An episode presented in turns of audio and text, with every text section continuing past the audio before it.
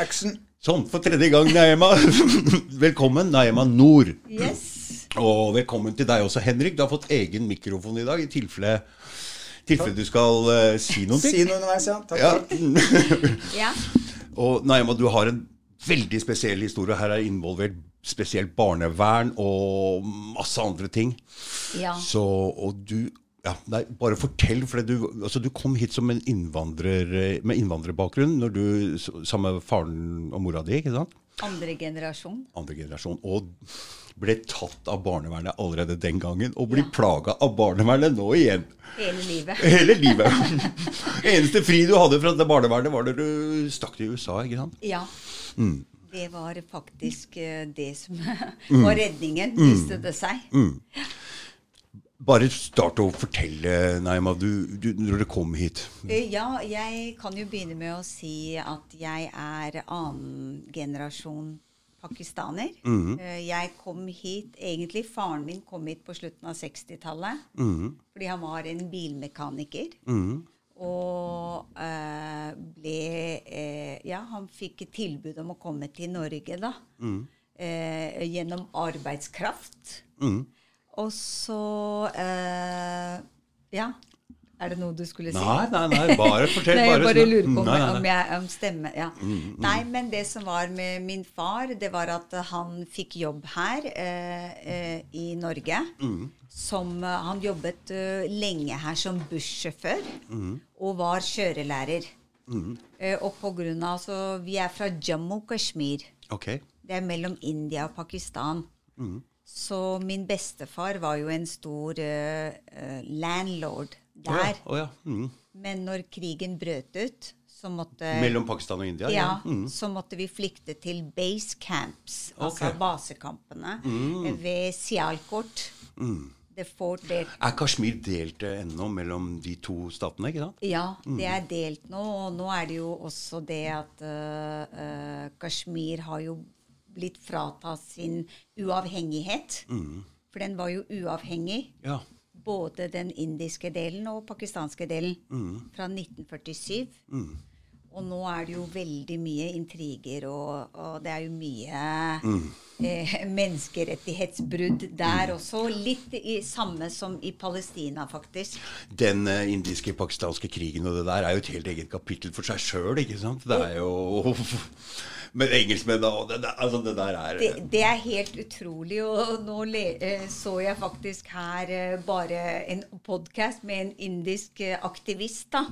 Og hun hadde jo da fått nyss på en pakt Ja, det hørte jeg du fortalte meg om i telefonen. mellom lord Mountbatten og Nehru. Nehru, som var Indias første eh, prime minister, statsminister, eh, at India skulle ha sin uavhengighet kun i 99 år. Mm. Bedre ta den mikrofonen nærmere. Det ble mye bedre Ja, en gang. nei, sånn at India skulle kun være uavhengig fra England i 99 år. Ja. Så i 1946 så skal de gjenoppta den eh, Ja, 2046. 20. leasekontrakten. Det er en leasingkontrakt. Du vet hvordan du leaser biler. Eller eh, du har et, et sted du kan lease for 99 år. Og så må du gi det tilbake. Det er India inni akkurat nå. Ja. Og oppi alt dette så er med Kashmir og, og krigen rundt der. Så det er, eh, og hvorfor jeg nevner det til deg, det er fordi at det er veldig lik den Palestina-Israel-krigen. Eh, hvordan det er jo egentlig snakk om eh, brudd på menneskerettigheter. Det er ingen tvil om. Og, og verden står stille, og ingen vil snakke om det. Akkurat som det ikke har skjedd. Så, det, det er så, så lenge du ikke tar tak i de urett... eh, eh, krigsforbrytelsene som har skjedd der, så kan du aldri eh, gå videre. Nei. Fordi at det blir sånn dominoeffekt. Og pga. at det ikke er blitt tatt ordentlig tak i, og verden bare har stått og sett på, så er jo Kashmir er jo et nytt eksempel. Fordi at ingen De får ikke noen sanksjoner. Men i hvert fall, det er også en sånn kjernesak. Men når det gjelder meg, og hvordan jeg kom hit til Norge ta, den etter deg. Oi. Sånn. Ok. Når det gjelder eh, Når jeg kom til Norge med min familie, eh, så må du huske på at vi da hadde flyktet fra Jammu. Og bodde da på disse basecampsene hvor min eh, farfars eiendom For han hadde veldig mye store eiendommer i, i Jammu. Mista alt sammen? Mistet absolutt alt. Og så ble det spredt rundt i, i Pakistan. Ja. Litt her, litt der, og et hus her og Du har såpass store eiendommer, da? Ja, så, men, men greia er at han fikk aldri samlet seg etter det. Nei. Og mistet hele fotfestet.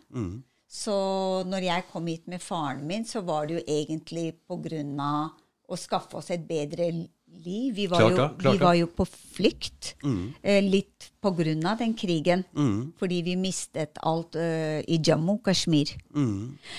Og ja, så vi vokste opp her, og det var mine foreldre endte opp faktisk etter hvert å drive på det meste, tror jeg, fem dagligvarebutikker. Såpass, ja. Fem dagligvarebutikker. Og min mor jobbet jo så mye, og hun jobbet jo rett overfor Oslo kretsfengsel, Åkerbergveien 40. Der eh, drev mamma og pappa mange, mange år butikk, da. Mm, Der husker jeg det var noen sånne små innvandrerbutikker, ja. Ja, det var min mor og far. Så i hvert fall vi drev der, og vi drev på Grünerløkka, Bygde allé, Høyen. Og det ble jo så mye til slutt for det ble for henne. mye? Mm. Før det så hadde hun jo vasket på posthuset. Ja. Du vet det store bygget ja, ja, i Oslo? Kirot. Mamma jobba der sjøl. Ja, der, Ja, ja. ja, ekstrajobb for å tjene noe penger. Vi var jo dritfattige her. Ja, ja, ja. Samme her. Så mamma jobbet jo der med de første innvandrerkonene. Ja. De fikk jo jobber i posten og vasket Ja, mm, der. Eh, De var jo, jeg tror de var 20-30 stykker. Mm. Og Så hun fikk jo et eget miljø med de. Mm. Og det som er veldig interessant, er at mange, mange år etterpå så endte jeg på å undervise disse her eh, kvinnene yoga på Lovisenberg eh, sykehus. Oh, ja. Eh, Under sånn prosjektet mitt med ernæring. Ja. Så jeg, det, jeg møtte det igjen. Men det som var, var at eh, når eh, mamma jobbet så mye, Mm. og var hele tida i Oslo, så var vi, vi var jo i Oppegård. Vet du hvor Oppegård er? Ja, ja, ja. Kolbotn, Kolbotn, ja. Mm, Ja. Det er veldig godt kjent der, ja. Eh, Er det det? Ja, veldig godt kjent. Oi! Jeg skal ikke si hvorfor. Eh, Ok, vet du Tårnassen skole?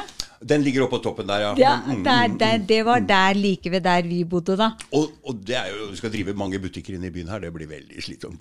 Det, eh, altså, det ble en sånn veldig ond sirkel Mm. med å drive en bedrift når du har så mange barn. For det var mange barn, eller? Seks. Dere veit å reprodusere dere? dere. Eh, ja, det er dessverre eh, blitt sånn at eh, vi er de eneste som Ja, kan ja, det er sant. Ja, reprodusere det er nå. Det er sant. Det er jo sant. Nei, men, men det som er, det er at eh, hun, i det at hun begynte å jobbe Mm. Og det her er veldig interessant Ja. for deg også å vite, også alle andre, er at eh, når hun jobbet så mye, Mm. så klarte hun ikke å ta seg hjemme. Nei. Det gikk tapt. Mm.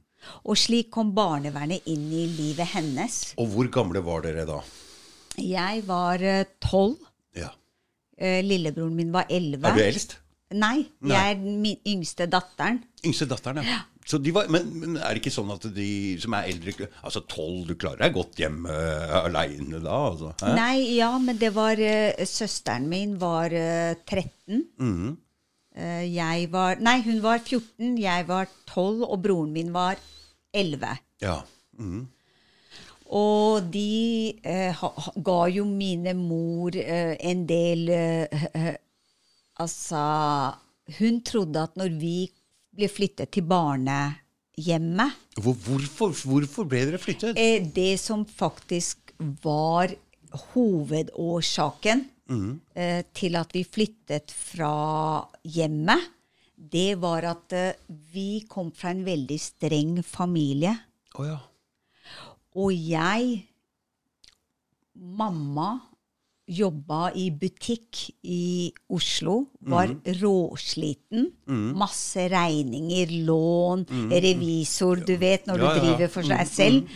Eh, hun var jo i tillegg eh, Kunne jo ikke lese eller skrive norsk. Oi, oi, oi. Ja. Og driver og jobber og bestiller inn varer. Hun var jo helt utslitt. Men i hvert fall så kommer en pakistansk dame som hun hadde vasket sammen da, på posten, med bilde av meg og en pakistansk gutt Oh, det, oh, ja. i en fotobutikk eh, eh, foto, Du vet når du går inn i sånn foto Ja, den boksen! Den gamle boksen! Ja! I fotoboksen. Ja, ja, ja. Bilde med meg og en Å, pakistansk fy a Ja. meg! Å, meg! Det var ikke bra. Og det var jo krise Ja, hjemme, krise. ikke sant? okay. Krise. Og, eh, men for å gjøre lang historie kort, så var mamma veldig lei seg. Ja. og, og, og ganske nedbrutt. Så det endte opp med at snakk. Nei, det endte opp med at, uh, at uh, jeg stakk av hjemmefra okay, okay. Mhm. til sosiallæreren min. Ja. Fordi at det var bråk hjemme. Jeg hadde blitt tatt med å uh, bilde med en pakistansk gutt. Og, og så bodde vi der. Eh, og hun eh, Fordi jeg stakk med søsteren min. Jeg tok med min eldre søster Mm. Og hvor stakk du deg? til min sosiallærer. Og dere kunne bo hos henne? Nei, nei, Nei, vi nei. bare dro dit den kvelden når Ja. mamma var hjemme og gråt. Mm.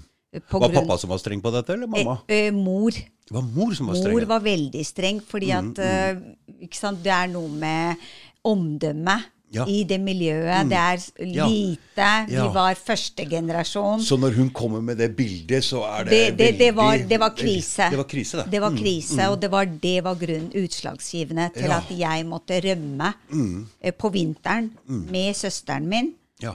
Og så ringte hun opp til da eh, barnevernet og, og, og forklarte situasjonen. Og da, det som skjedde da, var at da sa barnevernet at de kan flytte oss til et eh, barnehjem. Eh, og hjelpe oss med skole og alt sammen. Noe som på den tiden min mor og jeg tenkte var redningen. ja. Forstår du? Og jeg også tenkte at oi, nå blir jeg endelig fri. Ja, ja, selvfølgelig. Skjønner du? Ja, jeg skjønner. 13 år, Ja, ja, 12-13. ja. Wow, yes! Hormoner, med norske, med norske folk. Endelig. Ja. sånn som jeg har sett bare fra utsiden. Mm, Det får jeg endelig eh, Så vi flyttet dit. Mm. Og allerede på og, veldig tidlig Mm. så begynte dette her å splitte søskene. ja. Splitte oss. Var alle barna plutselig på barnevern? da? Ja, vi var tre yngste. Ja, nei, nei, de tre eldste var jo gamle nok. Ja. De var jo fylt 18, Ja. Mm. og, og eh, kunne ikke ta de. Hvordan så de eldre søsknene på det, at dere stakk av og sånn? Var de altså, det, det, det, brøt, ok? det brøt opp hele familien Ja. Eh, i mange, mange år. Med forskjellige meninger om det som hadde foregått, eller hva? Ja, og veldig mye med å være førstegenerasjon pakistanere. Eh, Være de første i alt. De første innvandrerne. De første pakistanske jenta. Så det, det er veldig mye press og veldig mye sosial kontroll uh, med pakistanske familier i Norge. Ja. Mer kontroll enn i Pakistan. Og det var Jævlig bra at du setter søkelys på det. For det er jo jævlig interessant. At vi, vi, vi, vi Ja. banna- Nå klarte jeg å banne to ganger i løpet av en setning, men Ja, ja, ja. Det- Ja, ja, ja, ja. Ja, for det, dette er ikke noe vi, vi veit så mye om, og det er, det er veldig bra du belyser det. Ja, og, og det som var så spesielt, det var at eh, med en gang jeg kom dit, ikke sant, så skjønner jo du til slutt at oi, hvor er moren min? Hvor er faren min? Eh, og og jeg, jeg er veldig, veldig knyttet til både far og mor hele livet. Så du angrer plutselig litt på at du gikk inn der? ja. Plutselig ganske kjapt. Altså, Nei, det var ikke det heller. Fordi at uh, hjemmesituasjonen med den jobben Moren min var jo nesten ikke hjemme lenger. Nei. På grunn av at jobben hadde bare tatt, uh, tatt over. Og som det ofte gjør når en kvinne går ut og begynner å jobbe. Eh, og det er derfor jeg veldig, veldig bevisst har valgt å være hjemme nå. Ja. og ta vare på familien og hjemmet. Fordi at jeg skjønner hvor viktig det er. På grunn av at når jeg mistet det, så forsto jeg hva faktisk min mor hadde gjort hele livet. Med å lage mat og Man forstår ting litt annerledes. Ja, og alt Jeg skjønner jo ikke hvordan hun klarte det. Eh, og, og jeg er så utrolig stolt av henne. Men i hvert fall hun trodde jo at barna hennes skulle få en utdannelse nå, endelig. Men der var det jo helt andre boller. Det var det. Ja. helt andre boller. Altså, det var så mye eh, manipulasjon og spill, og med disse eh, veilederne og saksbehandlerne, og mye sånn eh, i møtevirksomhet på deg, om deg, til deg. Eh, eh, så du blir på en måte Bodde du på barnehjem, eller var det fosterfamilie her nå? barnehjem. Barnehjem. Mm. Barnehjem på, i Bærum. Ja.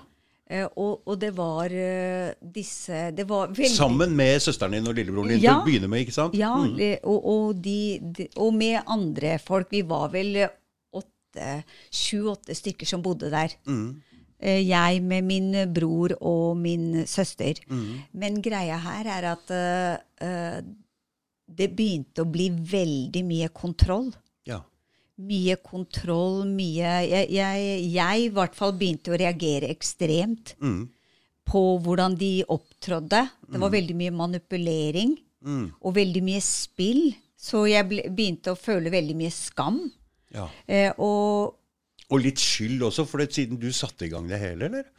ja, nei, fordi at eh, mine søsken, de var jo så lykkelige og frie, Ja. tenkte de Mm. også. Mm. Men det som skjedde, var at vi ble splittet. Ja. Og jeg begynte å opponere mot den manipulasjonen som jeg oppdaget allerede i veldig tidlig alder foregikk eh, i barnehjemmet, da. Og i hvert fall det som jeg også sa til han danske Mikkel, eh, at eh, det var veldig mye sånn eh, kontroll. Og disse guttene som bodde der, de er jo alle Jeg tror ikke jeg kjenner én person som ikke er på tunge medisiner, okay. prostituert seg, eh, og eh, helt ødelagte mennesker. Og jeg kan si at det begynner der. Mm. Fordi at det er, det er disse Det er folk som jobber der. Det er veldig mye pedofili der. Klart det, de trekker seg til der hvor det er barn, ikke sant? Og, og det skjer uh, i helgene bak lukkede dører, sånn avlasting. Det er veldig mye bak der.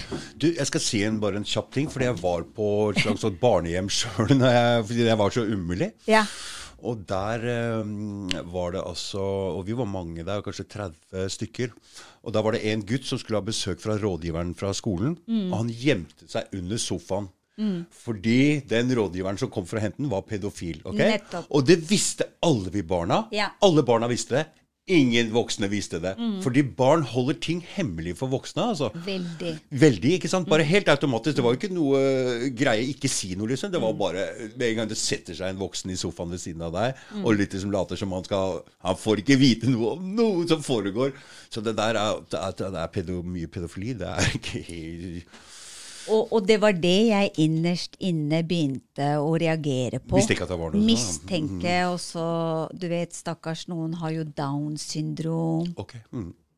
s- CP, ce cerebral Ja, parese, så de klarer ikke å eh, uttrykke seg. Mm. Og de er veldig sårbare, og det er veldig mange mennesker som jobber der, som ikke er Som eh, ikke- riktig person. Som ikke kommer fra de rette motivene? Der. Ja, og det er mye sånn maktspill og kontroll. Og, og det som skjer ofte med de barna, mm. det jeg har lagt merke til, det er at gutter og jenter blir veldig ofte eh, går inn i prostitusjon. Etterpå, ja. Etterpå inn i eh, narkotika, alkoholisme, og ofte i forhold som er meget destruktive med andre overgripere. At det følger dem hele livet. Sånn at disse barnevernsbarna går det veldig ofte ikke så veldig bra med. Nei. Og det, det forstår jeg, fordi jeg begynte å opponere, og det som skjedde med meg, var at jeg ble jo lagt inn Ja, jeg vet det. Mm. flere ganger eh, når jeg var 14-15 år. Lagt inn, men lagt inn hvor hva da? Jeg opponerte, og de, de, de begynte med så mye spill at jeg eh, Altså, de begynte med veldig mye stigma. Eh, For eksempel, jeg hadde en eh, veileder, hun som var min kontaktperson. Hun skulle hele tida måle hvor mye hun uh, uh, Hvor mye hun uh, Hva er det hun sa? Trusted me. Ok. eh, stolte på meg. Ja. Og det var sånn Nå stoler jeg på deg 70 Nå stoler jeg på deg 60 Nå stoler jeg på deg. Så som jeg sa, med den programmeringen, og det er en ganske omstendelig programmering du må gjennom når du er barnevernsbarn. Fordi at du, blir, du blir en del av du, du, Staten eier deg. Du er bare et nummer. Du skal følge den og den planen. Og, og Og hvis du ikke følger den går akkurat i takt der, så må du Du må gå i takt for å komme ut derfra. Det. Ja, og, og det, hvorfor jeg reagerte, er akkurat som vi har snakket med deg, er at jeg hadde så ekstremt tilknytning til moren min. Jeg er sånn skikkelig mammadalt, og jeg er det fortsatt. så når jeg mistet kontakt med henne og det familiestrukturen For dere, du fikk ikke lov å ha, ta kontakt med foreldra dine i det hele tatt? eller hva? de begynte det, det folk må vite, det første de gjør, det er å dan, eh, skape splid mellom foreldre og barn. Mm. Moren din lot deg flytte inn her. Hun bryr seg ikke. Det er sånn de begynner. Mm. Moren din er ikke De skammer mor. Mm. Ikke sant? Du kan tenke deg selv som førstegenerasjon pakistansk jente. Og du reagerer motsatt, ikke sant? Ja. Du, du, når de prøver å presse deg, til, så, så, så reagerer du motsatt på det, ikke sant? Det som skjedde med meg, er at jeg gikk inn i en depresjon. Ja. og ble faktisk veldig, veldig ulykkelig Mm. Eh, på den tiden. Og ville ikke leve mer. Nei. Ville ikke leve mer. Eh, og når jeg prøvde å opponere, og de satte meg fast og begynte å skamme meg veldig mye, og du går gjennom ganske mye omstendelig programmering, så begynner du å, å bryte ned. Ja. Du begynner å bryte ned. Og jeg begynte å opponere For du har ingen å støtte deg på? Ingen, ikke? nei, og du er fordi alene. det Mm, de mm. gjør, det er at først når du kommer under barnevernet, det er at de isolerer deg fra foreldrene dine. Mm. Og så isolerer de deg fra søsknene dine. Mm. Du skal være alene. Og det du holder på, er helt galt. Du er gal. og du skal bli skammet. Mm. Dette gjør de veldig, veldig bevisst. De, de systematisk bryter deg ned. Det som skjedde med meg, at jeg opponerte til den brytingen. For jeg er født ganske fri. Fritt tenkende sjel. Ja, jeg, jeg, jeg veit akkurat hva du mener. Jeg vet akkurat hva du Eh, mener. og jeg, eh, jeg eh, lot meg ikke la dem styre og kontrollere meg. Det ville vært døden for meg. Alltid når noen presser meg også, så for hardt den ene veien, jeg Ja. slår tilbake. Altså. Så jeg opponerte, og det de gjorde da, det var at de puttet på meg straightjacket, tvangstrøyer, er og inn på mentalsykehus. Oi, oi, oi. Tre-fire ganger. Og medisinering, ikke sant? Det var det med meg. Det er at de prøvde å medisinere meg, og jeg tok aldri de. Mm. Putta de bare i puten. Luring. Fordi at uh, jeg uh, Begynte å skjønne lunta her nå. Nei, jeg, jeg hadde Jeg skjønte at de skulle ta livet mitt. Og når jeg siste gang de satte meg inn, eh, altså i tvangstrøye, artikkel 6, i psykiatrien, i lukket avdeling på Blakstad, da var jeg 15 år, Mm. eh, og putta masse dop ned på meg òg. Mm. Eh, men på sluttet, når jeg skjønte at eh, dette her kan ende opp med at jeg mister livet, Mm. for det kommer til å skje neste gang, Ja. så skjønte jeg at uh, dette er farlig. ja. Disse folka her er farlige. Det skjønner jeg godt. Du putter deg i sånn Og- straight jacket og Og, og straightjacket, 15 år, og, og, og, full, og, og det som skjedde, er at på grunn av at jeg opponerte, mm. så fulgte det etter meg. Skolen, å, hun er lagt inn. Den stigmaen, Ja. den stigmaen, Du vet hun er gæren. Ja. Fordi at jeg skal komme tilbake til det her til deg. Ja. Fordi som varsler senere i livet, så skulle det her innhente meg. Klart da. Fordi du Det de bruker som metode, det er forsøk på psykiatrisering. Det, og det skjedde allerede med meg når jeg var 14-15 år. Da skjønte jeg at den psykiatriseringen kan ende opp å ta livet av meg. Og disse menneskene, de er farlige. Eh, og det skjønte jeg i veldig ung alder. Og da visste jeg at uh, Altså, du, du vet, eh, det er et ordtak som heter If you can't beat them, join them. Så nå var det på tide å spille, spille med. For Ja. å komme seg vekk. For å komme seg vekk. Fordi at jeg skjønte det. Jeg skjønte at de var råfarlige. Eh, og innen den tiden så trodde jo min søster og min lillebror at jeg var klin gæren.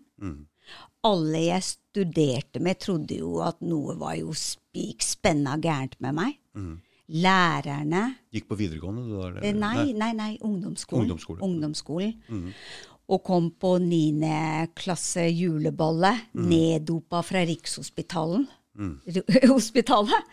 Fordi at uh, de skulle gjøre alle disse sjekkene på meg, da. EEG, MR, er det noe gærent? Ja. Uh, allerede som 15-åring.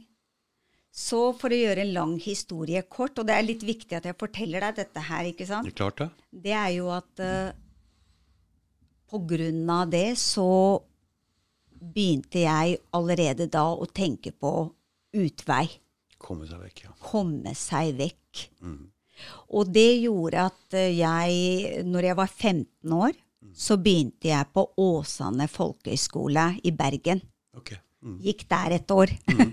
og da flytta jeg først til fosterfamilie. Og eh, det var jo helt forferdelig. Var det forferdelig? Ja. Det var helt grusomt, fordi han bo- jobba i Nordsjøen. ja.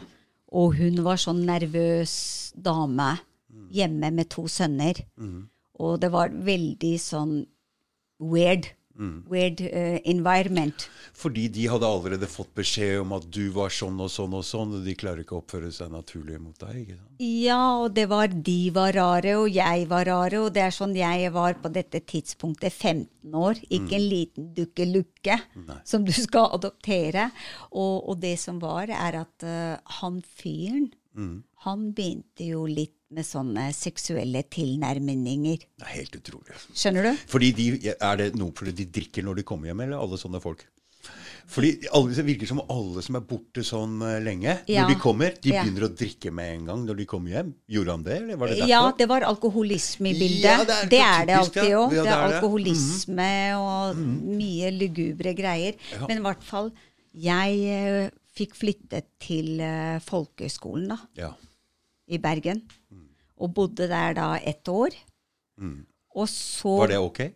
Det, det var veldig ålreit. Det var ålreit. ja. Og jeg hadde en fantastisk For det der er ingen som kjenner deg, du får nye Ja. folk, du kan bli en ny person, ikke sant? Og, og det som var veldig gøy, er at jeg hadde jo samtidsteater.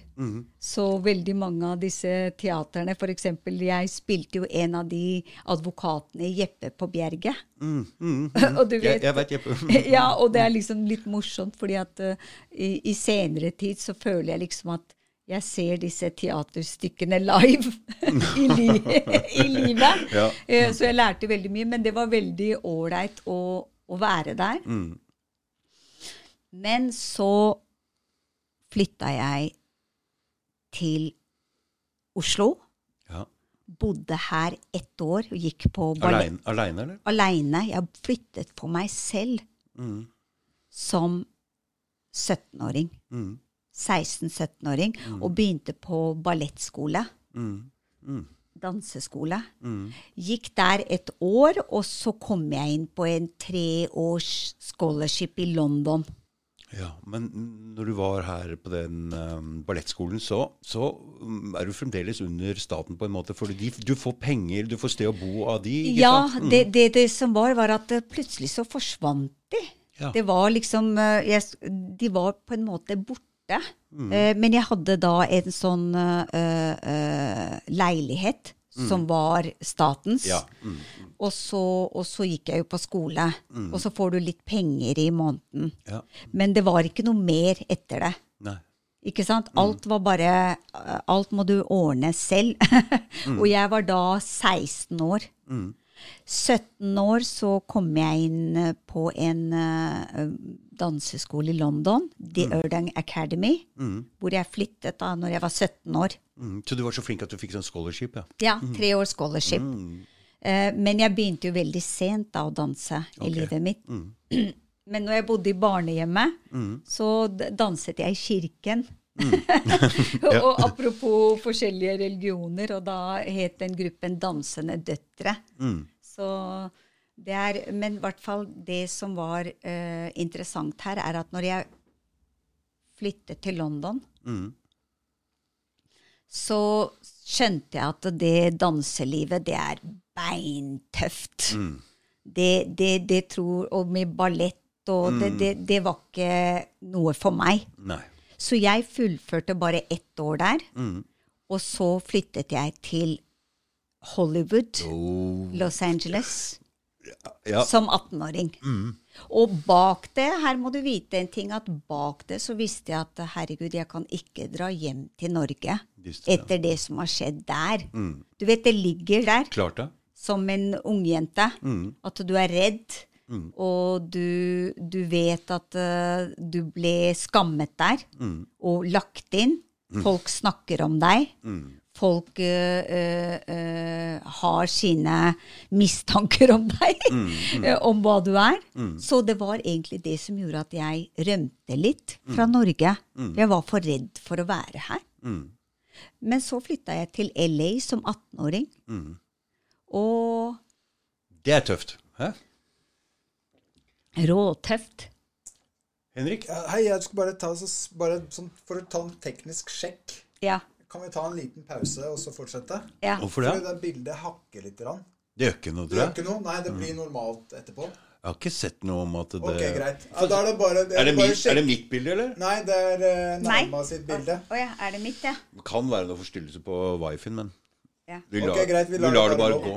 Ja, eller bare dobbeltsjekker. Ok, skjønner du. ja, ja, ja, det går bra. Ja, så du flytter til LA.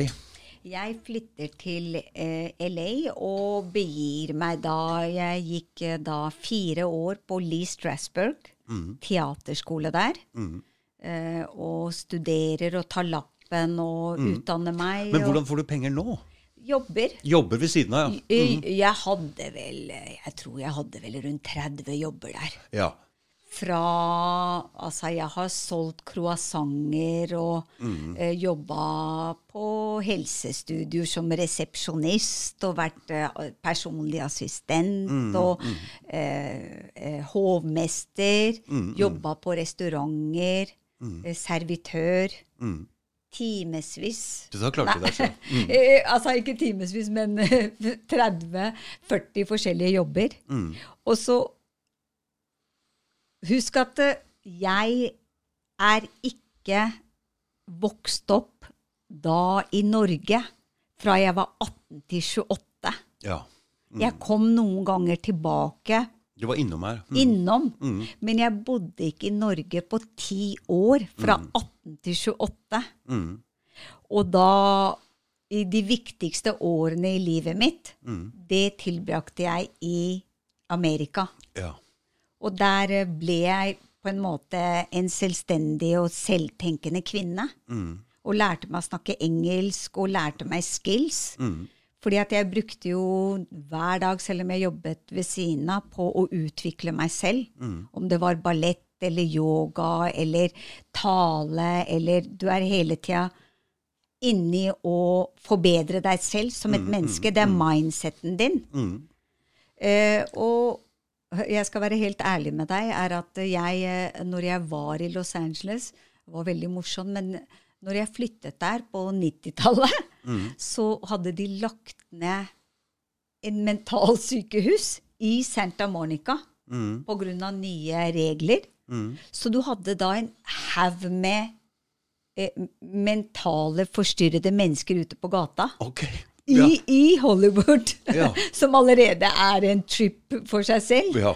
Men greia her er at det var, altså det var bare fra første dag til siste dag så var jeg med sperrede opp øyne på grunn av Mm. Det er mye rare folk, ja. ja, av den amerikanske kulturen. Ja. Jeg, jeg, fordi at jeg kom jo med en sånn litt kritisk til amerikanerne. Oh, ja. Mm. Eh, eh, men jeg ble veldig, veldig kritisk til dem når jeg så liksom De var sånn forvokste tenåringer. For jeg så liksom Jeg husker jeg var 18 år, så så jeg en 34 år gammel mann som så på TV med en sånn iskrem i bøtte. Jeg Mm. Han bodde hjemme hos moren sin og så på den vanlige sitcomen sin med en is, bøtteiskrem. Og, så, og det var sånn norsk, nei, amerikansk kultur, da. Og så dreiv den derre OJ-saken ja, Ja, ja, og flirra oh, oh. i skjermene bak. Mm. Så det var liksom Og så var det sånn at eh, plutselig så eh, I LA det var så spesielt fordi at det var så mange eh, eh, plastikkfolk der Ja.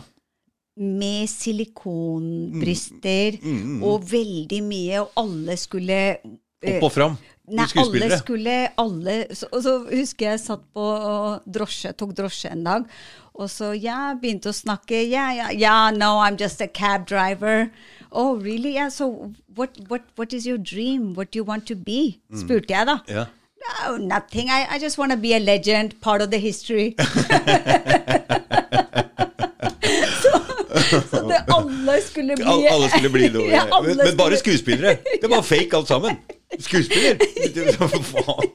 Så det var sånn hele tida sånn å selge, og så, og så plutselig så skjønte du at uh, her er det noe muffins. Ikke sant? Her er det noe som ikke stemmer. Mm, Men det som var veldig interessant, var at han, min bestevenn der, han var veldig sånn te eh, techno-savvy. Nettkjempe allerede på 90-tallet. Og bestevenner med kjendiser, og kjente alle de. Han fortalte jo meg til slutt eh, at eh, hør her, det, her, det går rykter. Så dette er bare rykter for alle dere der ute. Eh, Madonna, for at hun ble berømt, så måtte hun selge sin sjel til djevelen. Og det var liksom okay, ja. Skjønner du? Sånn at uh, hvis du vil inn i det gamet med å få fame og fortune, så må du komprimere med noe veldig dypt du har i deg. ja. Det vil si, din sjel må gis. Ok, ja. Og, det, altså, det, og det, jeg vet ikke om det er sant, Nei, og jeg vet nei. ikke om det er øh, øh, løgn. Men det som skjedde med meg etter at han sa det, Mm. og det ble et konsept for meg For jeg var jo Klarte ikke å glemme det, ikke sant? Jeg klarte ikke å glemme det. Nei. Og hele det fame og fortune, Mm. det ble fra den dagen eh, linket til noe veldig dark. Ja.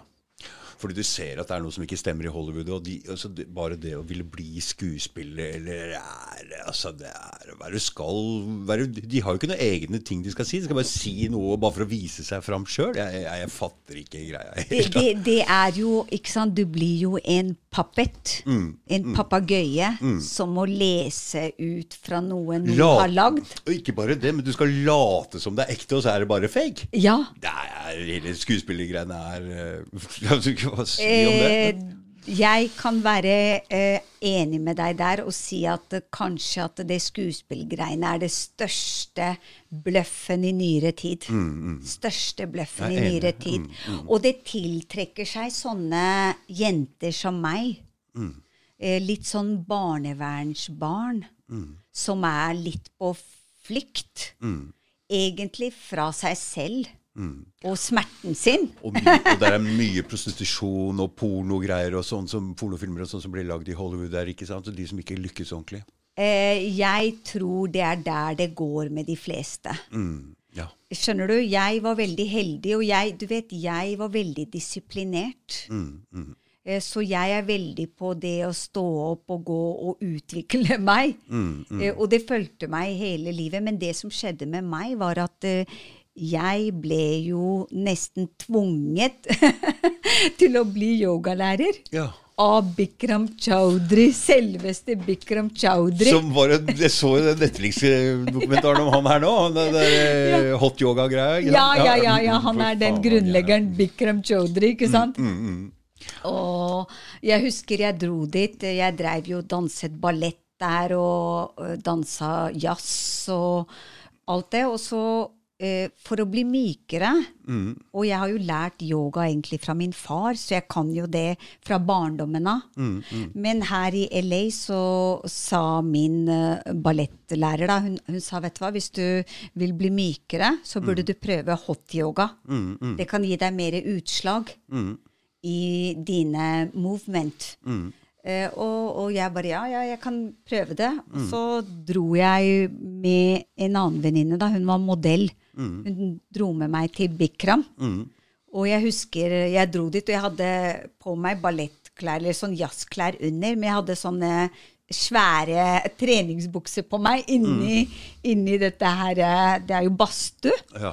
med tepper og speil og eh, eh, han med mikrofon og kommer Ja, inn. Det er skikkelig show, da. Mm, Og jeg skjønte jo ingenting her. Dette her var tidlig på 90-tallet. Mm. Og han bare midt under timen og Jeg vet ikke, har du prøvd den? Nei, nei, nei, jeg kan ingenting om yoga. Altså, den timen, den, den er brutal. Mm. Første timen din. Hvem som helst som går rundt og tar den Bikram-timen. Henrik, du kan jo si hva du syns om den timen. Du får sjokk. Du føler deg som en oppvridd vaskeklut når du er ferdig. Ja. Og du får sjokk fordi at det er roping, og det er øvelser i en time i strekk. Det, eh, så, så greia her var jo at eh, han bare Hey you! Back there, little one! og, og jeg bare Lille meg, ikke sant. Jeg bare jeg, ja, for han er sånn som kjefter og ja, ja, ja, ja, ja, ja. Veldig, veldig brautende og ja, ja. invaderende. Og jeg bare ja, Ja. Eh, jeg, jeg visste ikke om det var meg, jeg trodde det var noen bak meg. Jeg har jo aldri sett han her. Yeah, you! Where are you from? Oh, ja. Øh, jeg bare eh, eh, Kashmir. Skjønner du? Kashmir. Han bare I knew it. What are you wearing there? Så, så sier jeg eh, Just some jazz pants, sir. Jazz pants. Han bare Take them off. This is hot in here. Så jeg hadde jo jazzbukser på meg, så tok jeg dem av, og så måtte jeg gjøre garurasana. Det er en eagle pose, da. Og så sa han See, I knew it. She has yoga in her blood ja, ja. Mm. sa han til meg, og jeg bare eh, OK. Hæ? Ja, ja, ok. Han likte deg. Ja, han likte meg, men i hvert fall det som skjedde, for å gjøre lang historie kort, det er at jeg tok lærerutdannelsen hans. Ja. I 1990 Jeg begynte å trene allerede hos han i 1994. Og så ble jeg ferdig lærer der i 1998. Fire år hos han, ja. Ja, og tok alle, hele advance-serien, trente med han, kona hans, lærte hele. Og så hjalp han med hans sine lærerutdannelser, for han hadde hvert år kom fra hele USA, betalte masse penger, ja. Og masse kjendiser der. Han hadde jo masse Dette var kjempepopulært, ikke sant? på den tiden var kjempepopulært. Eh, så jeg ja, ble yogalærer eh, i en alder av jeg tror jeg var 26 år jeg, eh, når jeg ble yogalærer. Ja. Og det var vel egentlig redningen min, Ja. at jeg ble yogalærer. Og, og på en måte brøt meg ut av det hele Hollywood-gamet. Det, det du blir fanget av. At du tror du skal noe sted. og så er det egentlig en indre flykt. Og, og Ja, så hadde jeg min første lærerutdannelse i San Francisco. 2000 Nei, eh, eh, 1999. ja. 1999. Og den var veldig suksessfull. suksessfull. Jeg tjente en del penger. Men Ja, for da dreiv du, da, holdt du kurs sjøl, ikke sant? da dreiv jeg med en eh, eh, amerikansk yogafamilie i San Francisco. Fire Bikram-yogastudier med dem. Som jeg underviste og jobbet sammen med dem. Eh, og jeg skulle bli eier en tredjedelseier av et yogastudio som het Funky Door Yoga i San Francisco. Som jeg var en tredjedelseier, og så brøt helvete løs. Hva da? Og det var jo Bikram, du vet. Og han var jo hele tida mens jeg eh, tok eh, timer hos han og studerte, han var jo hele tida på meg. Ja, for han, han ikke jent, damer. Mer jenter, eller All the time. Ja. Masse damer. Altså, jeg vil tro, sånn som jeg tenker i etterkant, at han var eh, en eh, avhengig av sex. Ja, fordi det er jo det som kommer fram i den Netflix-filmen om han. Jeg har ikke sett den, jeg. Nei, den må du gå og se! Nei, ja, den må du se. Det er jo det det går på der. Da. Han, han har misbrukt alle disse damene, alle disse Ja. damene som står fram, ikke sant? Ja, ja. Ja, så han har jo fått ryktet sitt Jeg tror han har rømt landet og gjemmer seg et eller annet sted. og noe greier, altså. Han studerte jeg under i fire år. Det var slitsomt, vel? Oh my god. Det var ikke lett å få han ristet av. Og så, og så Han er jo ikke så høy, ikke sant? han er jo like høy som meg. Det er bra. Og så har han Han har jo masse biler. Ja. Mm. Og eh, han, som jeg sa, han, det ble jo så ille etter at jeg ble, var ferdig med teachers trainingen og hadde blitt lærer, så begynte det jo å øke på presset. ja. Og begynte å mase og mase. Eh, Og det han sa til meg, er at han kan åpne et eget studio til meg Ja. i Santa Monica, hvor jeg kan være eier. Men da må jeg Ja. compromise. ja. Noe jeg ikke var villig til å gjøre. Og det, Det er disse, det er, du, skulle jo vært på den Netflix-dokumentaren, for det er jo disse historiene som kommer fram nå, ikke sant, om han der.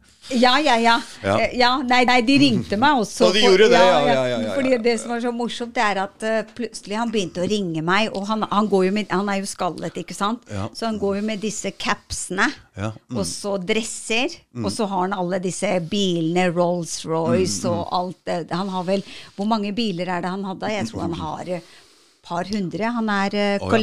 mm, Mm, I hvert fall så kom han med en av de svære bilene hjemme hos meg. Jeg husker jeg bodde på den tiden i West Hollywood. Og så ringer på med caps og den bilen. Alle ser jo at det er han. Du ser jo Og så ringer Can you open? Uh, så, og Guruji, uh, you are here? Yes, it's exploding! Hæ? What is exploding, Guruji? Open the door, it's exploding! Så jeg måtte jo åpne, åpne og let him in. Og veldig, veldig på. Ja. Og, og uh, Brukte han noe stoff, han der? eller? Nei, nei, bare, bare var sånn, han. Men han presset seg på og bare Å, Gud har sendt deg Ja, til ja, meg. mm.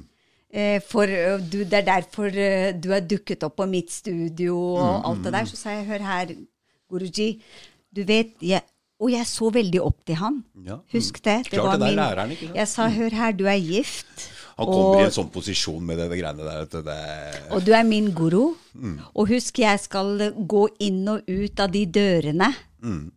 Og jeg må kunne se på din kone Mm. med hodet hevet. Og jeg kan ikke compromise. Og, og han fortsetter jo å presse og presse. Og så sa jeg, hør her, jeg er her i Hollywood. Mm. Jeg har ikke familien min her. Og det eneste jeg har, det er min verdighet. Mm. Den kan jeg ikke gi til noen. Og etter det så begynte han å sabotere. Så- Og, og det er litt interessant, fordi at det skjedde, skulle da skje meg 20 år seinere i Norge. Fordi det er samme mønster. Så rart at livet går sånn i sirkler, hæ? Det, det er så morsomt. Men, men det som var, var at han begynte å sabotere og ringe rundt og fortelle til alle at hvis de samarbeider med meg, så får de ikke jobbe med han, og autorisert til å drive egen Bikram-studio. Det er fakta. Skjønner du? Da tar du avslaget hardt, eh, Henrik. Ja, aldri fått nei til damen. Fy faen, for Så, og så da må vi ødelegge alt. Hvis ikke du vil rette deg etter meg, så da er det bare full sabotasje her nå. Og så begynte full sabotasje, og så var det noen fra den familien da, som jeg drev yogastudioen, som dro ned når han hadde jo hatt en lærerutdannelse ferdig, og de hadde eksamen og alt sammen. Og da hadde han vært så sint når de snakket om meg. Ja. Og han, de sa at når han hadde snakket, så hadde han Frode, Nei, spyttet ut eh, maten hadde Han hadde spyttet ut maten. For han var så sint. Og, og, og fordi at jeg sa at han hadde prøvd seg, og jeg var ikke villig til å compromise. Og du vet, det, det ga meg veldig mye angst allerede på den tiden. Ja. Eh, å stå opp mot en slik en mektig mann. Han var den mest kjente yogalæreren i Hollywood. Mm. Så det som skjedde, han spyttet ut mat, og, og så sa han Nei, no, no, I have never been with her. Besides, she's Muslim. Da dro han det muslimkortet. Skjønner du? Så det kom det. Men eh, eh, Da, da var du helt umulig, si. Hva da? Ja, da var du helt umulig. Ja, fordi jeg var muslim. Ja, ja, ja. Så, så, så det var det med han, og da Det var jo ikke noen mulighet for meg å fortsette i Amerika. Nei. Når han uh, hadde ringt opp til alle og sagt 'she is like uh, a disease'. Ruining your family if you hire her.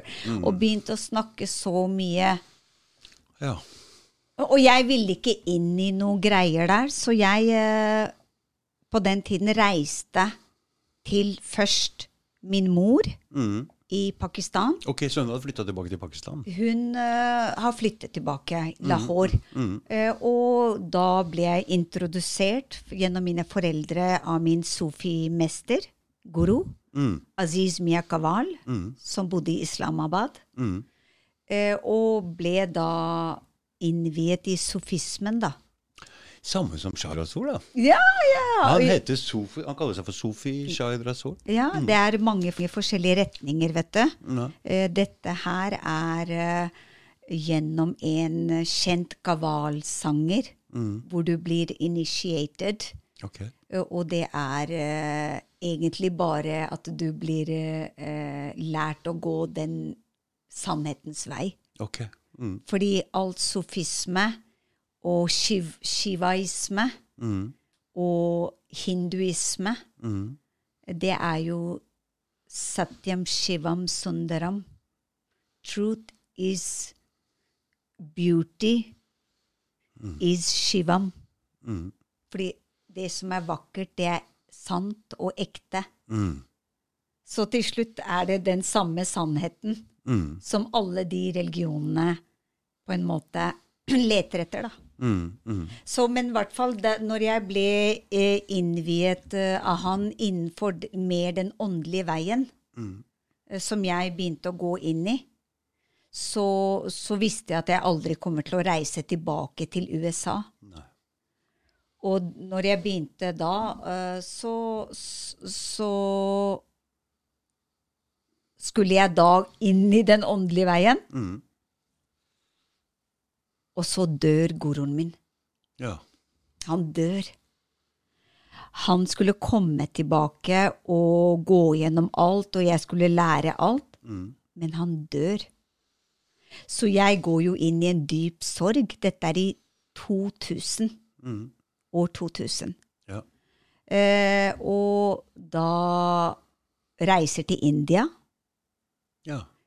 til Varanasi, og møter eh, eh, da eh, de som kjente Lahiri, Lahiri Mashai. Dette er, jeg vet ikke om du har hørt om Nei, nei, ikke of a Yogi. Jeg har ikke peiling på dette hele tatt. Dette er i hvert fall yogaens vugge, da. Okay. Varanasi er yogaens vugge. Og der eh, er Shiva, har mandir der. Og Lahiri Mashai, som var en kjent yogi-disippel av Mahavatar Babaji, som er en stor yogi, som de sier fortsatt er i Himalaya-fjellene et eller annet sted. da. Veldig spennende historie. Men i hvert fall, uh, jeg dro dit og ble innviet i da noe som heter kriya-yoga. Så det her er, når du følger kriya-yoga, det er eh, den eh, kundalini-veien som er ikke tantra, men den andre veien. Så du Du undertrykker ikke din seksuelle energi, men du får full kontroll over den. Og bruker den som en intellektuell og konsentrasjonsenergi. Du omformulerer den. Det er den kundalini-klassiske veien gjennom yoga. Og det er også kjernen i kriya-yoga. At du går gjennom en evolusjonær utvikling gjennom kundalini i ryggsøylen din. Og gjennom den utviklingen der, så blir du en eh, forsker. Og kroppen din, sinnet ditt og sjelen din blir laboratoriumet ditt. Som du da studerer i årevis, fordi det skjedde nemlig meg. Jeg fikk eh, åpnet kundalinin bak. Okay. Og det var slik min mor satte meg i kontakt med Aziz Miyakawal. Ok. Og når han døde, så dro jeg til Varanasi og ble innviet i kriya-yoga, som er pusteteknikk, og forskjellige meditasjonsteknikker. Og da Du vet når kundalini Hvis du gjør all forskning på det her Hvis du får en genuin kundalini-awakening Og det, da mener jeg genuin. Det er veldig sjeldent. Jeg, når jeg fikk min kundalini-awakening, jeg prøvde å søke absolutt alle som kunne hjelpe meg. Fordi at det er så spesielt og rart. Og det er veldig vanskelig å snakke om det. Og jeg skjønner ikke så veldig mye av dette her. Nei, og det er veldig få som forstår noe av det. Men det er et fenomen som skjer i et menneske med en varme i ryggsøylen, Ok. som begynner å gå opp gjennom ryggsøylen. Hvis du gjør studier på de, og gamle yogiene, så sier de at det i gjennomsnitt, og da er det kjapt, kjapt, så tar det tolv år Ja. for at den skal gi effekt. Gjennomsnitt. Veldig mange klarer ikke å gå gjennom den i løpet av et liv. Eh, Paramahansa Yoganandaji skriver i selvbiografi av en yogi omstendelig om kundalini. Og hvordan du får aktivert og går gjennom det. Men basically, for å gjøre det enkelt for deg, fordi dette er litt sånn innviklet Men du går gjennom evolusjonsprosessen din meget kjapt på kort tid. Du, du, du trigger den evolusjonen. Så altså, hvis jeg skal forklare deg i yogic term, så må du på veldig kort tid brenne veldig mye karma. Ok. Så hele livet ditt på en måte kommer opp for deg som en sånn uh, field. Teppe. Og her skal du da legge og rydde og fikse alt. altså, du må det. Ja, ja, Hvis ikke så kan du bli syk og bli gal. Hvis ikke du tar tak i det. Så, boy. Så hvis du leser om det noen gang, om kundalini og om siddhane, og, og hvor, hvor mye tid disse yogiene bruker for å få gå gjennom en klassisk akka, uh, uh, uh, The classical pathway, det er gjennom chakraene. Og det begynner i rotchakraen, vokser seg oppover fra andre chakra, tredje, hjertechakra, visjoda, halschakraen, eh, ajna, og så sahasahara. Okay. Og hver chakra har visse ting du må bli konfrontert med. Ja. Både spirituelt, mentalt og fysisk. Hvis jeg skal prøve å forklare Ja, ja, deg, da. ja. Så du må gjennom det. For eksempel, bare for å gi deg et enkelt eksempel, sånn som rotchakraen. Der må du adressere food, money, sex. Dette må Det er i skrittet, eller? Rotchakraen? Rotchakraen er mellom anus og perineum og skrittet. Ok. Mellom der. Mm. Rotchakraen. Skjønner du? Mm, mm. Så det, det jeg prøver å si til deg, det er at eh, når du Og det er det første du må gjennom med kundalini. Ja. Du må gjennom molodharo Mm. chakra Mm. og mulabandhan. Husk at det er eh, Hvor, mange, hvor, hvor lenge holdt du på med det der? Der nede? i, I i India? Mm. bare noen måneder. Mm. Så kom jeg til Norge. Ja. Men, men greia her er at det her hadde allerede skjedd meg naturlig ja. i USA. Mm. Og det på grunn av at jeg hadde gjort så mye heavy yoga. Fordi når du gjør sånn ekstrem ryggøvelser, Mm. så kan det utløse det. Ja. Og du vet bikram-yoga i den varmen. Mm. Når jeg gjorde så eh, veldig, veldig ekstrem yoga, Mm. så utløste jeg kondalinen i meg. Ja. I en alder av bare par og 20 år. Okay. Så lenge så visste jeg ikke hva det var. Nei. Jeg bare skjønte ikke det, og det var mye Og jeg turte ikke å fortelle noen om det. Både pga. mitt møte med psykiatrien i Norge, Mm, mm. og det at folk ikke vet så veldig mye om kundalini. Nei. De kan veldig hit tenke å herregud, er hun gæren? Ja, Hun å ja, snakker om dette her eh, Skjønner du? For det er et sånt høyt nivå på yoga som egentlig ikke du skulle vært borti i det hele tatt? Er det det du mener? Nei, ja, det er veldig rart. Det er ingen som tror på at det er noe som heter kundalini. Okay. Det er veldig få som har en genuin opplevelse og har levd med det og f gått gjennom det. Det er en ganske tøff prosess. Det som Guruen min, som moren og faren min introduserte meg til, som var en sofi, han hadde gått gjennom den prosessen. Mm. Så han forklarte meg. Du må ha en guide. Mm. En som har vært gjennom det før deg. Det er det eneste som hjelper. Mm. Mm. Det er noen som har vært gjennom det. Og jeg hadde da i flere år prøvd å lete i LA. Du vet det er mange guruer som kommer innom LA. Ja. Gått til mange sånne guruer fra India, fra her. Han er kjent, han er kjent. Klarte aldri noen finne noen som kunne hjelpe meg med den chakraen og kundalinien. Mm. Men det interessante var jo at uh, det går sin gang. Ja. Så når jeg, når jeg kom til Norge, Mm. så visste jeg bak hodet mitt at dette her er en prosess som minimum kommer til å ta tolv år. Mm. Det visste jeg Mm. når jeg flyttet tilbake til Norge i 2001. Mm. Ikke sant? Mm. Så det jeg søkte da, når jeg flyttet tilbake til Norge, var stabilitet Mm. og utvikling på et intellektuelt, spirituelt og fysisk nivå som kunne tilrettelegge Gondalini-awakeningen min. Mm. Så jeg bare prøver å forklare deg hva, hvor tankene mine var. Men jeg var også dypt deprimert Ja. på grunn av at guruen min døde. Mm. Og det var liksom det eneste håpet, for jeg hadde prøvd å lete etter mange mange år noen som kunne forstå om kundalini. Mm. Ingen skjønte noen. Nei. Ingen skjønner noe. Og jeg visste at det er ikke noen medisiner som kunne hjelpe meg. Mm. Ikke sant? så, så, men da jeg kom hit, så